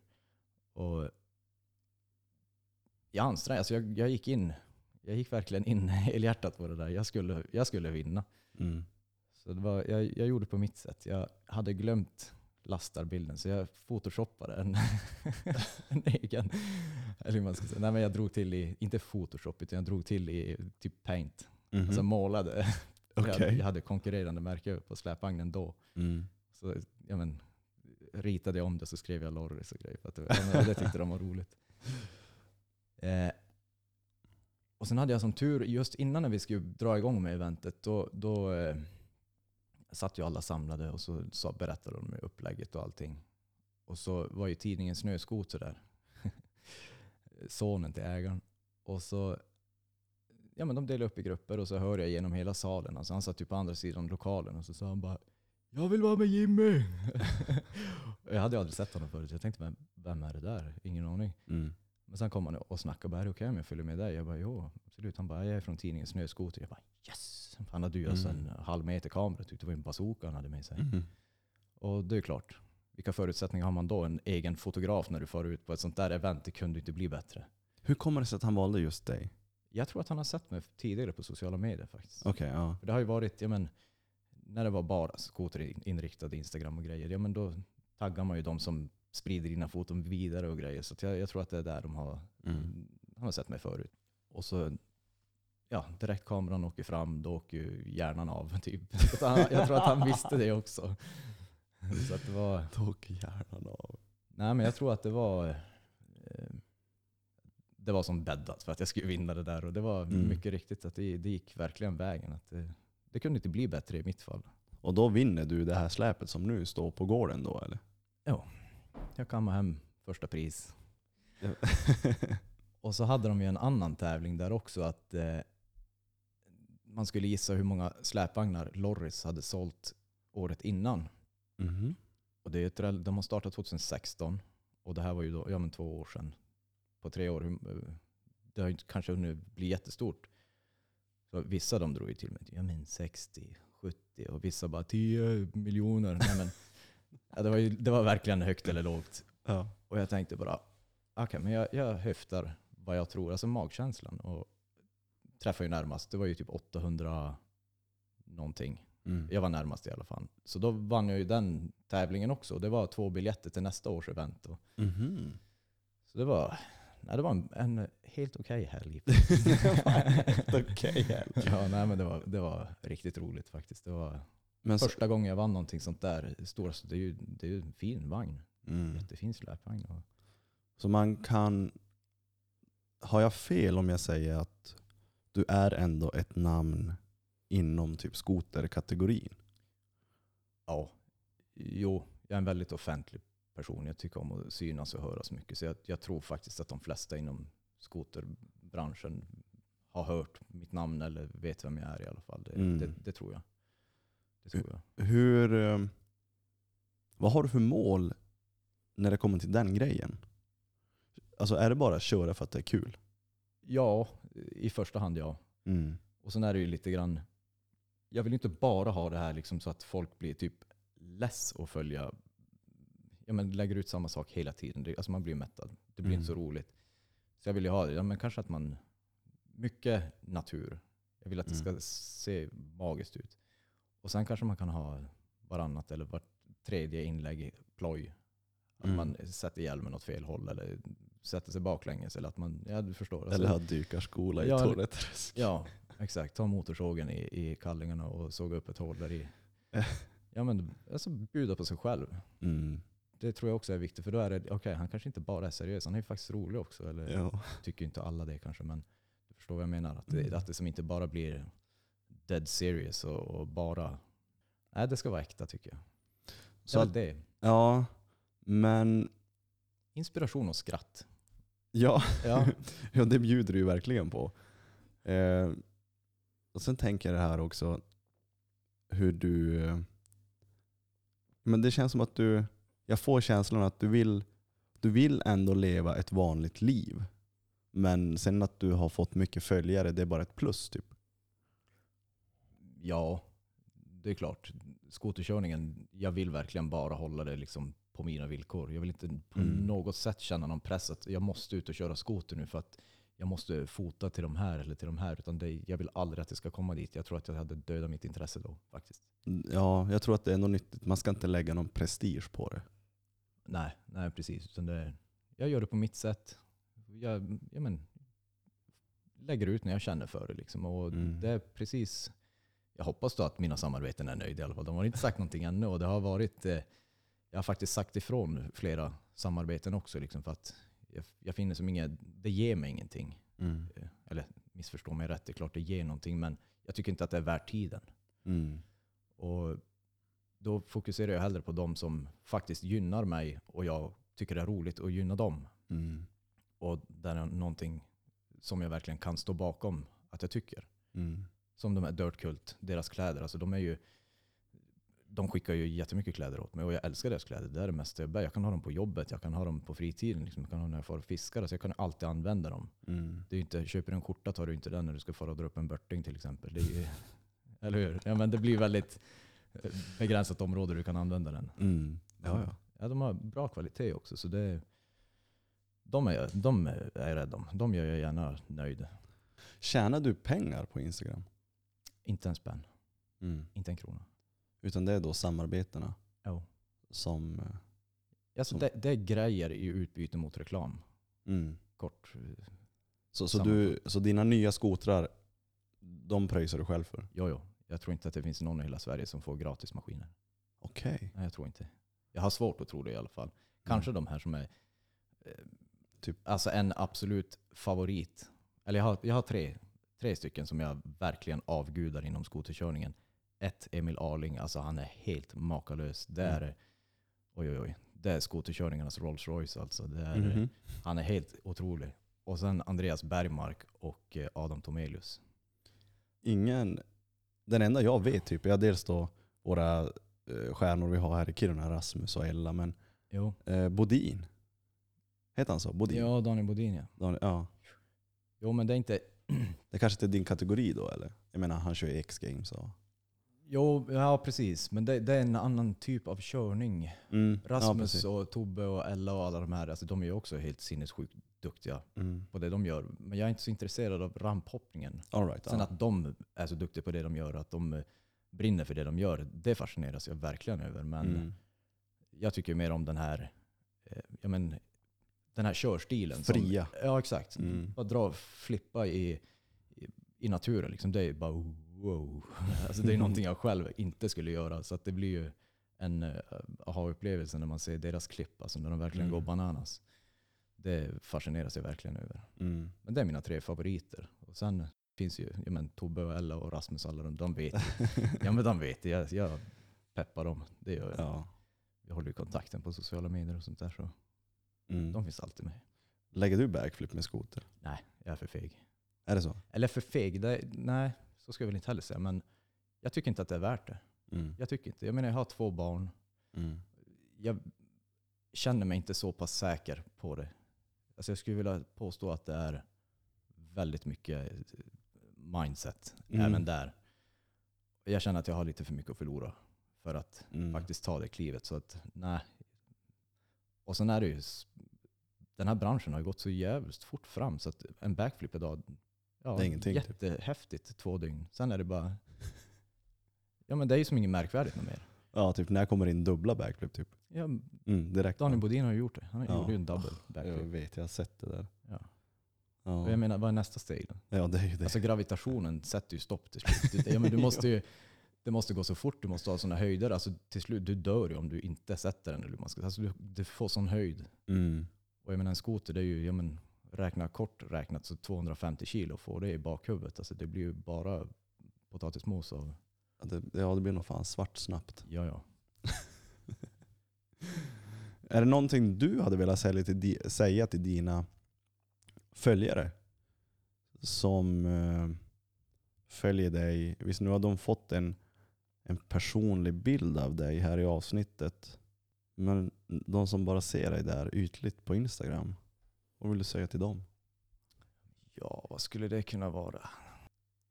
Ta Jag, jag är singel. Ja, nej, nej, nej men det, nej, inte, inte något sånt utan det är väl mer att eh, ta mig inte på fullaste allvar. Jag, Mhm. jag, alltså det är väldigt sällan jag är seriös. Mycket ironi, mycket, Mm. mycket skämt liksom. Och försöker väl fortfarande hitta den där balansen lite grann, vad man kan skämta om och inte. Jag är lite, lite freestyle ännu. Men eh, mitt, eh, ett tips eller råd, eller vad man ska säga, till egentligen alla som hör det här, att följ människor som motiverar dig till att göra saker som du vill göra. Människor som får dig att skratta och så vidare. Följ inte någon liksom som, eller följ inte någon, jag, vill inte, jag ska inte säga vad folk ska göra och inte göra, men om du ser, säg att jag ska titta på någon som jag vet är mycket bättre än mig på att köra skoter till exempel. Och så följer jag den människan så, ja men det där vill jag också kunna göra. Och alltså att jag börjar liksom må dåligt, jag har en gnagande känsla inom mig att det där kan inte jag göra, varför kan han göra Du så? börjar och så mäta dig. Ja precis, man Mm. börjar mäta sig med någon som inte är i ens liga och det blir ju självdestruktivt. Mm. Så mitt tips och mitt råd är väl egentligen att följ de som du har ut någonting av. Mm. Då blir du, alltså, då blir du en trogen följare. Det är det tror jag de flesta som håller på med sociala medier, det är det de vill åt. Det spelar ingen roll att du har en miljon följare om du har 40 stycken som faktiskt kollar och läser dina inlägg. Mhm. Så att jag vill ju hellre ha den här... Trogna följarbasen. Ja men precis. De, de ska känna liksom att jag engagerar mina följare i mina sociala medier. Mm. Om de engagerar sig i mina. Liksom, att, Mm. eh, Ja, exakt. Är det många som skriver och sådär? Ja, sen jag drog igång med min TikTok så ja, det är helt sjukt. Jag har aldrig varit med om det här. Jag börjar förstå hur tjejer känner sig. Alltså, det, jag, kan inte få ihop, jag kan inte få mer meddelanden. Den är, alltså, den är full. Den är full. Det står 99 plus. Jag kan inte kolla mer. Och det, är, alltså det är om allt möjligt. Det är verkligen om allt möjligt. Det är eh, norrsken, det är skotrar, det är eh, roliga klipp. Det är allt. Och jag orkar inte. Alltså det är, jag har ingen aning hur många det är. Det står bara 99 plus. Så det är, Jesus. Jag kan tänka mig liksom att man, man lägger bort det där till slut. Man, man, alltså, hur ska jag kunna känna? Ja, men jag förstår vad du menar. Det blir för mycket. Alltså det blir men du orkar som inte. Nej, nej, nej. Som nu när jag sprang det här 10 milsloppet för var det en månad sedan ungefär, lite Mm. mer. Och du vet, ja, då uppdaterar man ju på sociala medier. Och sen då efter målgången, vet, alltså, då var det så här, jag hade ju typ 300 meddelanden. Ja. Och när man är ja, men där och då så vill du inte ha med någon att göra. Typ. Men Nej, du förstår nej, du vad jag menar? Nej, jag kommer nog aldrig förstå vad du menar. Jag skulle aldrig få för mig att springa så långt, men jag förstår att du, det är inte det första man tänker på. Nej. Nej, så då kan jag tänka mig att det är ungefär säkert lite samma typ. Att, men vadå, jag har ju bara lagt upp en liten dykarskola. Fan vad jag snackar om dykarskola, men den är så jävla rolig. Ja, den, typ, är, den är helt okej. och att man då typ, men vad fan, jag har ju bara lagt upp ett klipp. Varför skriver det nu 200 pers till mig? Liksom? Vad? Ja, men det är också, det, det är klart, även fast man inte svarar på allihop, men man uppskattar det ju. Liksom att folk Mm. tycker om Ja, verkligen. någonting man gör när man är sig själv. Mm. det spelar ingen roll om ja, det spelar ingen roll om jag hade lagt ut den där eller inte. Jonas som var med, som jag kallar för simskolläraren, han, eh, jag fick ju honom att skratta. Mm. Det, där räcker det för mig. Mm. Kan jag då dela det på sociala medier och jättemånga skrattar åt det, jättebra. Mm. Ett gott skratt förlänger livet säger de, så vi får se. Ja, ja, precis. Ja, men det håller jag med om. För det, man uppskattar verkligen liksom, eh, fina ord från andra och, liksom, eh, och hela, när man är en offentlig person på något sätt. jo, Det, man uppskattar det verkligen. jo. Men man har varken tid eller lust eller ork att svara allihop. Det går inte. Mm. Det, det går inte. Och, ja, jag vet inte hur jag ska förklara, men alltså hur ska man visa då till sina följare att man uppskattar det? Det känns ju lite grann som att okej, nu vart han stor på sig. Han fick eh, några hundra följare, så nu vart han stor på sig. Nu skiter han i, i de som inte är någonting. Alltså förstår du? Mm. Där vill jag inte bli. Jag vill inte bli det kommer ju fram folk ibland och bara "Åh, är det du som är Jimmy Väisänen? Åh, kolla den kändis. Jag tycker verkligen inte på något sätt att jag är det. Jag ser absolut inte mig själv som något sånt heller. Mm. Jag är fortfarande lika mycket människa som en som har 40 följare. Mm. Men jag kan förstå att det uppfattas som att man blir lite stor på sig eftersom man inte svarar. Men jag hinner inte. Jag har inte den tiden. Jag har inte den Mm. orken. Det, hur ska du förstå det om du inte är där själv? Det är Mm. därför jag säger att jag börjar förstå nu hur, lite grann hur, Ja. hur tjejer känner sig. För alltså killar, det, är ju som, det kan ju vara som att släppa ut kossor på grövbete. I- Ja, men det, alltså, de är ju vild. Men tjejer är likadan. Tjejer är likadan. Ja. Men de är mer diskret. Killar kanske kan skriva i, i inläggen. Men tjejerna, eh, de tar ju, DM. ja, Så har du fått erbjudande? pass. All right. Tystnad är också ett svar. Nej men det är ju kul ändå. Alltså jag menar, man uppskattar ju det ändå. Jo, det, det är verkligen, det är jätteroligt att folk uppskattar det man gör. Mm. Men alltså sådana som försöker typ ragga i, ja, jag har lite svårt för det faktiskt. Mm. Jag tänker så här, hur många finns det på TikTok? De såg mig från bo i Kiruna, ha två barn, liksom. eh, jag lever mitt liv. Och så börjar de ragga i kommentarerna. Hur många gör de det med? Mm. Jag tänker det. Där Ja. inte, nej, nej, jag tycker inte det är avtändande. Mm. Det är oattraktivt. Ja, jag. förstår. Ja. Jag kunde känna nästan lika då när jag var med i elitstyrkan i TV4. Mm. Um, visst att man får en del nya följare och sådär på Instagram. Men man märker ju att helt plötsligt kommer de här uh, erbjudandena och så tänker man varför har inte de här erbjudandena kommit förut? Jag menar jag är ju fortfarande samma människa. Ja, Skillnaden är att jag bara syns i TV4. exakt. Men jag är ju bara en vanlig människa ändå. exakt. Så att jag förstår vad du menar där. Att man tänker att vad fan. Har du hört låten Happy Homes? Med Lucas Graham. Ja. Han sjunger ju just det där i den texten. Att eh, Happy home. Ja, nu, nu försöker jag tänka texten. Men, ja. den går lite under radarn. Men jag, Mm. alltså ja, men jag tar vet ju in låt. texterna så att jag, Ja, jag, absolut. Jag, det gick inte under min radar. Vilken är den där när han sjunger ehm, typ in school they started bugging me but now they are all standing in front of me. Det är ju den här uh, Now they're all standing in front of me. Vad fan, inte Happy Home. Inte Seven years. Han har en till som är bra. Ja, skitsamma. Jag vet inte vilken det är. Jag, jag har säkert Men, inte ja. reflekterat över den. Men just den där biten ur den låten Happy Homes tyckte jag var väldigt bra. Att det, det, ja, du tänkte ju uppenbarligen likadant. Och jag Mm. tänker, alltså, så, så tycker jag att det är. Man är inte en annan människa. Sen att man är offentlig och syns mer och sen att man har varit med i, jag menar, i ditt fall, har varit med i tv Mm. och så vidare. Och det blir ju lite grann att de vill bara åt den här famen. Mm. Alltså, det är Den inte, det är inte ja. dig utan det är famen. Mm. Det, ja, nej, jag, jag gillar inte heller det där riktigt. För, för det märker man nu också. Nu, nu vet inte jag om jag... Nu, jag, jag dejtar ju, men jag vet inte om jag får säga det. För jag borde typ skriva bara, hörru du tjejen, får jag säga det här? Men jag dejtar i alla fall. Och man märker också efter tiden, när den här tv-grejen har lagt sig, Mm. då slutar ju alla erbjudanden också att komma. Så det är ju som den där, då vill som snappa upp den där fem, 15 sekunders famen. Ja, jo, precis. Ja, de smider medan järnet är varmt.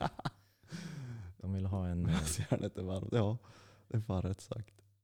Ja, Ja. det, du Men så är det. med mig. All fokus på dig, det är klart de vill dit. Liksom. Och, Mm. Ja, men det, du blir intressant. Men sen, Sen dör ju det intresset. ja, sen dör det. Och det är För- de som stannar, Ja. det där Mm. äkta, de följarna ska man komma åt. Alltså Mm. de som fortfarande följer det. Även fast du säljer frimärken eller är med i parlamentet eller om du nu, Mm. jag vet inte, putsar kungens dojor eller vad det nu är. Exakt. Det är de som stannar kvar. Trogna följare. Mm. De vill jag åt. Mm. Och nu får jag också typ så här, nu när jag sprungit 10 mil eller varit med i elitstyrkan, så så här, jag förknippas ju ofta som en dåre. Det kanske du kan förstå. Och, då, och nu blir det mer så här, men vad är nästa? Vad är nästa? Vad är Mm. nästa? Men kan jag få andas? Nej men det tycker jag att du ska göra ett, ett förslag på. Kolla, vad, alltså kolla just vad folk, ja men gör en, Mm. gör en Q&A till exempel. Jag har aldrig gjort det. Nej men testa gör det. Och så lägger du upp liksom typ springa 10 mil. Jag hade tjockare pannben än så. Vad, vad vill ni se mig göra näst? Typ. Ja men då kan du få en idé. Typ, ja men gör det här. Spring Mm. eh, med hockeyutrustning genom eh, Stureplan. Typ. Och sen också de här, äh, de här grejerna jag får för mig. Jag gör ju det verkligen bara för mig själv. Ja det ska Eh, du alltid. För att eh, det är som mitt sätt att finna mina svar. Eh, För man är ju en, man är ju en, liksom, en tänkare, en, en, en sökare på något sätt. Ja. Och, liksom, och jag, min, min grej är att jag finner svar i lidelse. Liksom hur långt kan jag gå? Hur, hur mycket orkar min kropp när skallen säger nej? Det är ju min grej. Sen ber jag inte folk att leva som jag lever. Men det är väl det är ju min grej. Och sen samtidigt som man då, när jag är den jag är, så märker man ju att man inspirerar ju andra. Men man, man vill ju att folk ska förstå att du är med på samma tänk där. Att ja, men vi måste kanske utmana oss själva. Vi, liksom, det är inget farligt att pressa kroppen eller mentaliteten och se hur långt vi faktiskt kan gå. Nej, så är det absolut. Det, Men, men det är ju bara min grej. Jag menar, du har ju, du har ju din grej, hur du tar ju dina grejer, hur du hittar ditt sätt att leva. Så att, eh, jag är lite bekvämare. Jag skulle nog hellre köra, köra skoter 10 mil i 30 minus än att springa 10 mil. Alltså, har, du- har du någon sån där grej som du känner bara, alltså jag vill typ pressa kroppen. Eh, in, nej, det tror jag inte. Inte vad, nej, inte vad jag kan komma på. Nu snöar jag iväg på mitt spår här, men jag vet inte Ja, men varför. ingen- Man har, Ja, men det väcker ju tankar hos mig också. Det är ju klart, alltså, jo, men det, jag förstår hur du tänker och det väcker ju liksom mm, mitt tänk. Eller hur man ska säga. Jag får koppla på hela hjärnan. Om man nu kan göra det. Men eh, ingen sån där som du känner bara, fan jag måste pressa mig. jo, det, det är i så fall i jobbet. Alltså det är nog, All right. ja. Jag tävlar ju i allt på jobbet. Men då är det inte mot någon. Det är klart, om någon... Jag älskar att lasta till exempel. Mm, Är det då någon som har lastat ut, nu hittar jag på 15 000 ton. Jag ska slå det.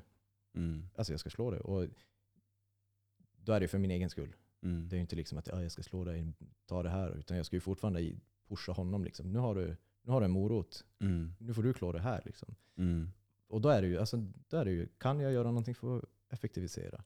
Hur mycket klarar jag av? Hur mycket klarar maskinen av? Du kan bädda för dig själv. Liksom, ha en grävmaskin då ska du ha så kort cykel som möjligt. Du ska ju röra dig så lite som möjligt. mm. Så vad kan jag göra för att få flaket närmare maskinen så att du kan lasta fortare? Bädda för att det ska gå bra. Och det, det är intressetänk tror jag. Mm. Ja, och så- för samtidigt vill jag också förstå, samtidigt som jag vill förstå mig själv så vill jag förstå andra människor till de som inte känner så som jag känner. Men hur känner Jimmy som kanske inte vill springa 10 mil? Hur, hur, liksom, hur går dina tankar liksom när du vill utmana dig? Och då ger du det som, ja det är jobbet. Där, ja, jo, precis. Men just om jag nu ska glida in på din macka där och springa. Jag har ju titan i hela högerbenet. Jag har ju varit med om skoterolycka så jag har ju titan i hela Ah. benet. Så jag vet ju av självinsikt att jag skulle inte klara, jag skulle inte ens klara en mil. För då, Mm. då hade du fått hämta mig sen i Mm. med storbilen där och köra mig på sjukan. Nej men jag skulle inte klara av det. Så det, är ju, Vad, vad har du gjort då? det var ju riksgränsen, 6 juni 2015. Då hade vi varit hela dagen nu och skottat ett stort hopp.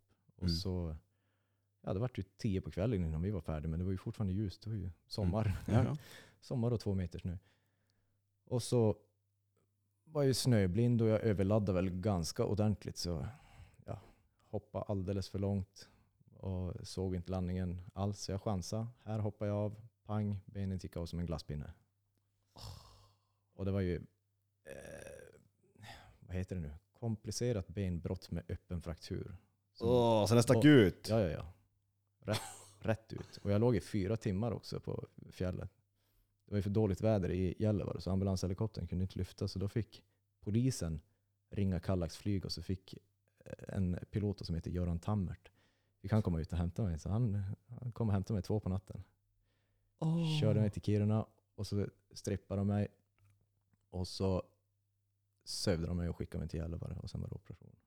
Vad gör man när benpiporna sticker ut? Alltså måste man typ inte böja tillbaka skiten? Jo, då, absolut första, när du får en öppen fraktur, Mm. så när det blir hål i skinnet, då sväller musklerna jättemycket. Mm. Så då sätter de benet som det ska vara, eller så gott det går i mitt fall. Mm. Och sen skruvar de fast en ställning som heter X-fix.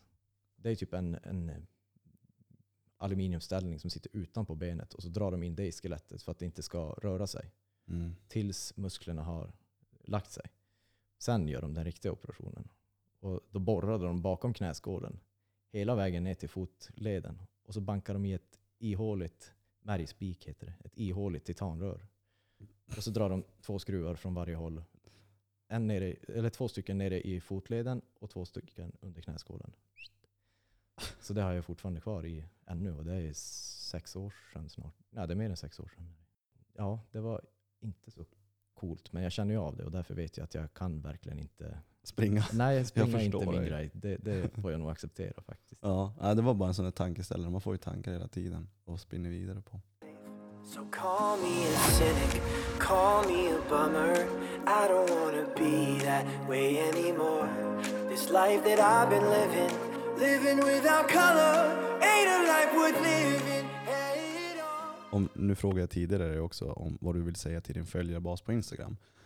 Men om du får prata med omvärlden, inte bara din följarbas, liksom, om du får sätta din prägel på livet, tips och tricks till oss här ute. Vad vill du säga till oss då? Enkelt. Det är betänketid noll och det är skit i vad folk tycker om dig. Mm. Gör det som får dig lycklig. Det som gör dig glad. Gör Mm. det. Och gnäll inte om du kan göra någonting åt det. Mm. Men betänketid noll, vill du utveckla det? Jag hade svaret innan du hade ställt färdigt frågan. Jag, vill Okej. inte, jag vill inte vara ofin och avbryta dig. Så att, Oh, eh, Okej, okej. jag trodde du menade typ betänketid noll, att man inte ska tänka efter i livet. Okej, men nu förstår jag vad du menar med betänketid noll. Okej, ja. tänka efter före kommer jag väl försöka kanske att göra det. Men det kan vara bra ibland faktiskt. Annars blir det som att torka sig före man kräma. Nej, men, eh, nej det, det, ja. med betänketid noll där är det liksom att det här är så självklart för mig att jag behöver Ja. inte ens tänka på det. Mm. Det är så jag menar. ja, jag förstår.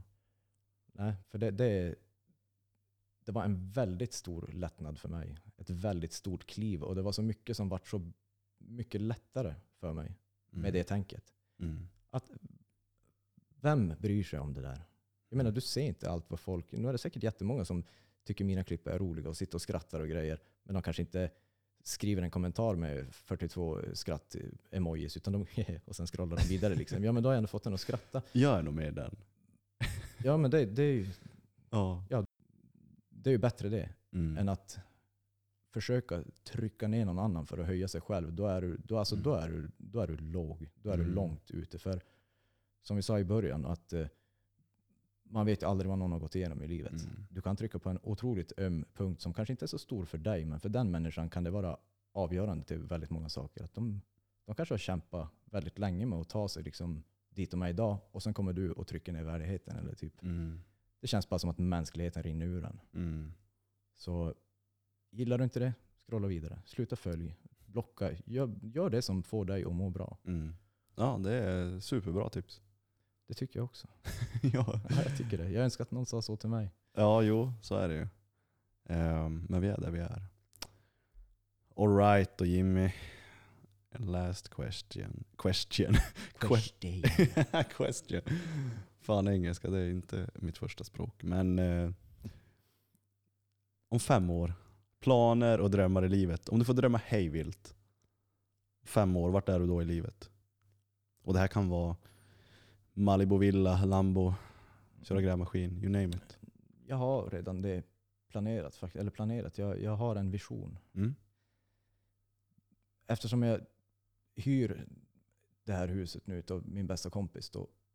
Och jag vill ju skaffa mig mitt eget såklart. Alltså min. Det här är mitt, min trygga punkt. Mm.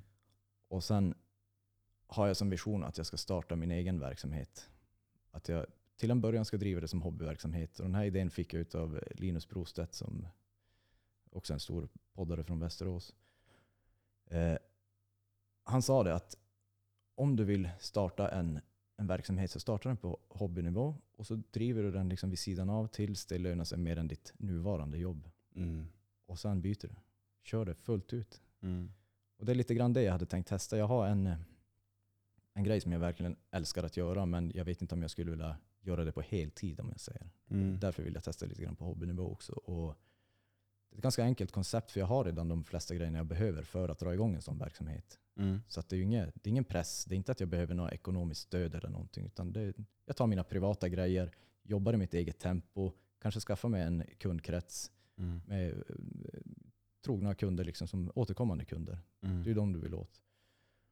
Och, nej, jag, jag vill nog, nu är det för svårt att höra för de som, eller för svårt att förstå för de som lyssnar, men jag vill ha ett sånt här hus som är nära vattnet. Helst en liten bit utanför, utanför stan. Jag, jag gillar inte riktigt här, jag gillar lugnet. Det är ganska lugnt i Kiruna. Det är inte så mycket stress inne i centrum. Ja, nej, allt är väl relativt. Men, nej, men alltså, så här, jag menar jag kan gå ut naken på altanen här Ja, och, och, och ja. dricka kaffe med gurkan hängande. Så liksom, det är inget, Mm. ska jag inte göra det, men den här frihetskänslan gillar jag. Mm, jag förstår vad du menar. Och så ska jag driva mitt eget, är väl mitt mål. Och förhoppningsvis det då som jag har valt att inrikta mig på. Vill du säga vad det är? Nej, inte än. Du låter oss hänga alltså? Ja, nej, inte ännu. För det, då känns det ju lite grann som att, att jag har sagt att jag ska göra det här innan jag verkligen vet själv om jag ska göra det. Mm. Jag vill inte ropa hej förrän det är klart, eller hur man ska säga. Alltså förrän Mm. bollen är i rullning. Eh, så det, det vill jag göra. Jag vill ha ett eget boende till att börja med. Sen dra igång min egen verksamhet. Och sen så småningom, jag kommer inte sluta köra skoter, men jag vill lägga mer tid på, eh, på Milton och hans intressen. Han är ju fruktansvärt intresserad av hockey, snowboard och Mm. eh, volter och grejer. Så jag hade tänkt lägga ner väldigt mycket krut där från och med nu. Eller från och med alltid hoppas jag. Men du förstår vad jag menar. Finnas Mm. där mer för honom. Eh, och sen, eh, jag vet, ja, jag vet faktiskt inte. En hund också hade jag velat ha. Mhm. Jag, jag Mm. älskar djur och framförallt hundar. Mm. Så den här villkorslösa kärleken dygnet runt, den är, den är ovärderlig. Mm. Alltså det är eh, gränsfall till att jag tycker att människor förtjänar hundar. Det är så, så Mm. känner jag för hundar. Det är eh, obeskrivligt. Mm. Förstår, det spelar ingen roll om du har en bra eller dålig dag, eller om det är fyra på natten eller vilken tid på dygnet. De kommer alltid vara glada när de får se dig. Mm. Det spelar ingen roll om du är borta tre sekunder eller fyra dagar. Alltid glad. Ja, men tänk att vara så som människa, ja. eller hur? Jag, jag tror att det går att vara glad hela tiden. Eller glad hela tiden, men jag tror att det går att hitta en glad sinnesro. Mm. Där är jag nu faktiskt. Jag Mm. känner att jag är det nu. För jag vaknar Mm. och jag är glad direkt. Och jag är glad när jag går och lägger mig. Mm. Det är jätteskönt. Jag har nog, nej, jag vill nog påstå aldrig i mitt liv att jag har känt sån här sinnesro som jag gör. Mm.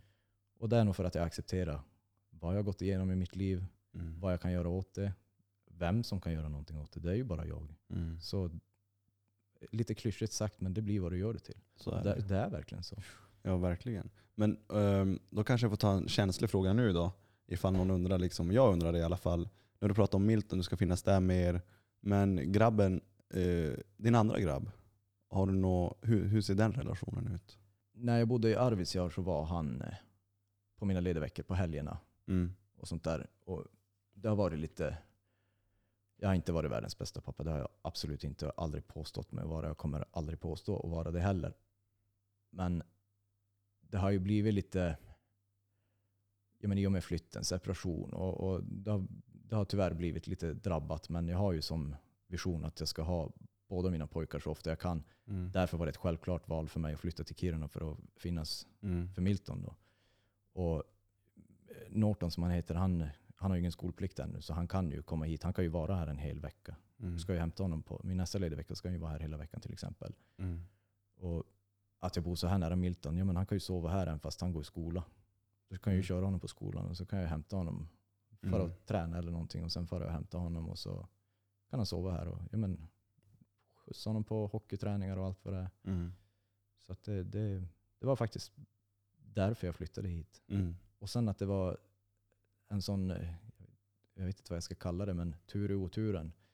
Att Jonas hade det här huset tomt. Alltså vilket jag är så otroligt tacksam att jag får, att jag får hyra det här av honom. För det här är, Det är ett drömhus. ja, det är mitt drömhus. Det är så här hade jag velat bo. Skulle jag Mm. rita upp det så är det exakt så här det skulle se ut. Mm. Det, jag gillar planlösningen och liksom älskar att elda och ha kamin här och se ut över vattnet. Liksom. Det, Mm. nej, det är helt perfekt. Men det finns en grej. Det finns en grej jag hade velat göra. Det är att bygga ett garage som är nästan lika stort. nej men det, 80 kvadrat i alla fall. Garage hade jag Ja. Det, för jag spenderar väldigt mycket tid med att, att skruva och fixa och trixa. Och, så jag, nej, ett garage hade jag velat ha. Mm. Sen hade, Sen det, varit, sen hade det varit perfekt Mm. faktiskt. Det, det vill jag påstå. Men det låter ändå som en eh, realistisk femårsplan. Det fixar du. Ja, ja, ja. ja. Jag tror absolut inte att det är omöjligt. Mm. Det är bara liksom hur, hur kräsen jag själv är. Liksom. Mm. Hitta, jag vill ju helst inte ha, köpa ett renoveringsobjekt, men alltså jag menar huspriserna här, det är wow, wow, wow. Det är dyrt. Mm. Så jag hade inte velat köpa någon ruckel och måste börja renovera. Jag menar, då hade mycket tid och energi och pengar framförallt gått dit. Och då kan jag inte riktigt... Alltså det blir prioriteringar. Då får jag välja antingen det eller skoterkörningen. Mm. Så jag hade helst velat köpa ett så nyckelfärdigt hus som möjligt. Hellre att man då får betala lite mer för det. Och sen så fort som möjligt. Eller i min egen takt egentligen. När jag känner för det vill jag dra igång min egen verksamhet och börja den. Så nej, inom fem år, då det är absolut att det är möjligt. Mm. Det, tvekar, det tvivlar jag inte en sekund på. Ja, men vad fan, jag, jag köper det helt och hållet. Ehm, jag har inte så mycket mer Jimmy, utan jag är tacksam över att du ville ställa upp. Jag är tacksam att jag fick frågan. Själv, självklart. Du är en intressant figur och också även tacksam över att, eh, att du kan vara så öppen och ärlig. Och, och våga visa sig sårbar. Ja, jag tror det är min största kraft Mm. faktiskt. Ja, men det är bra. Jag skäms inte. Nej, det ska man inte göra heller. jag- jag- fan. Bryr mig inte av vad andra tycker, därför kan jag vara Mm. äkta. Mm. The real deal. The real fucking deal. Men den var grym den här Latitude 65. Alltså. Ja, vad bra att du gillar den. Ja, den var grym. Alex gör ett bra jobb så det är bara roligt. Nylanserad. Så jag tror han har fått eh, i alla fall något kontrakt med något Ica Quantum. Jag vågar inte säga för mycket om hans verksamhet men den finns på några Ica-butiker där nere i alla fall. Eh, Men ja, är han, grym. han måste ju få in det på Coop också, för Ica är för de rika. Coop är för oss dödliga. Jag ska hälsa det åt han. Men jag diggar liksom layouten på burken och sådär. Ja, ja, det är ju Norrlandskänsla. Det är ju, Det, ja. absolut. Och så bergen, nej, det är snyggt. Så, men liksom, vart hittar man dig på Instagram, sociala medier? Det är att Jimmy Vaisanen. Ja, jag heter likadant på eh, TikTok, eh, Instagram och ja, Facebook såklart. Det är ju mitt vanliga namn. Mm. Men eh, jag heter likadant överallt. Mm. Och ja, In och följ följ om ni vill. Följ om ni vill. Inget tvång. Du är myndig, du gör vad du vill. ja. Nej, men om inte du har så med, om inte du har något mer Jimmy så vill jag bara tacka. Ja, det är jag som ska tacka. Mm. Ja, men vad, kul. Det är, vad är det man säger? My, my pleasure? Nej, inte my pleasure. Jo, Du vet såhär typ, Jo, ja, men jag nöjet- jag nöjet är på min Ja, sida. nöjet är på min sida. Ja. Shining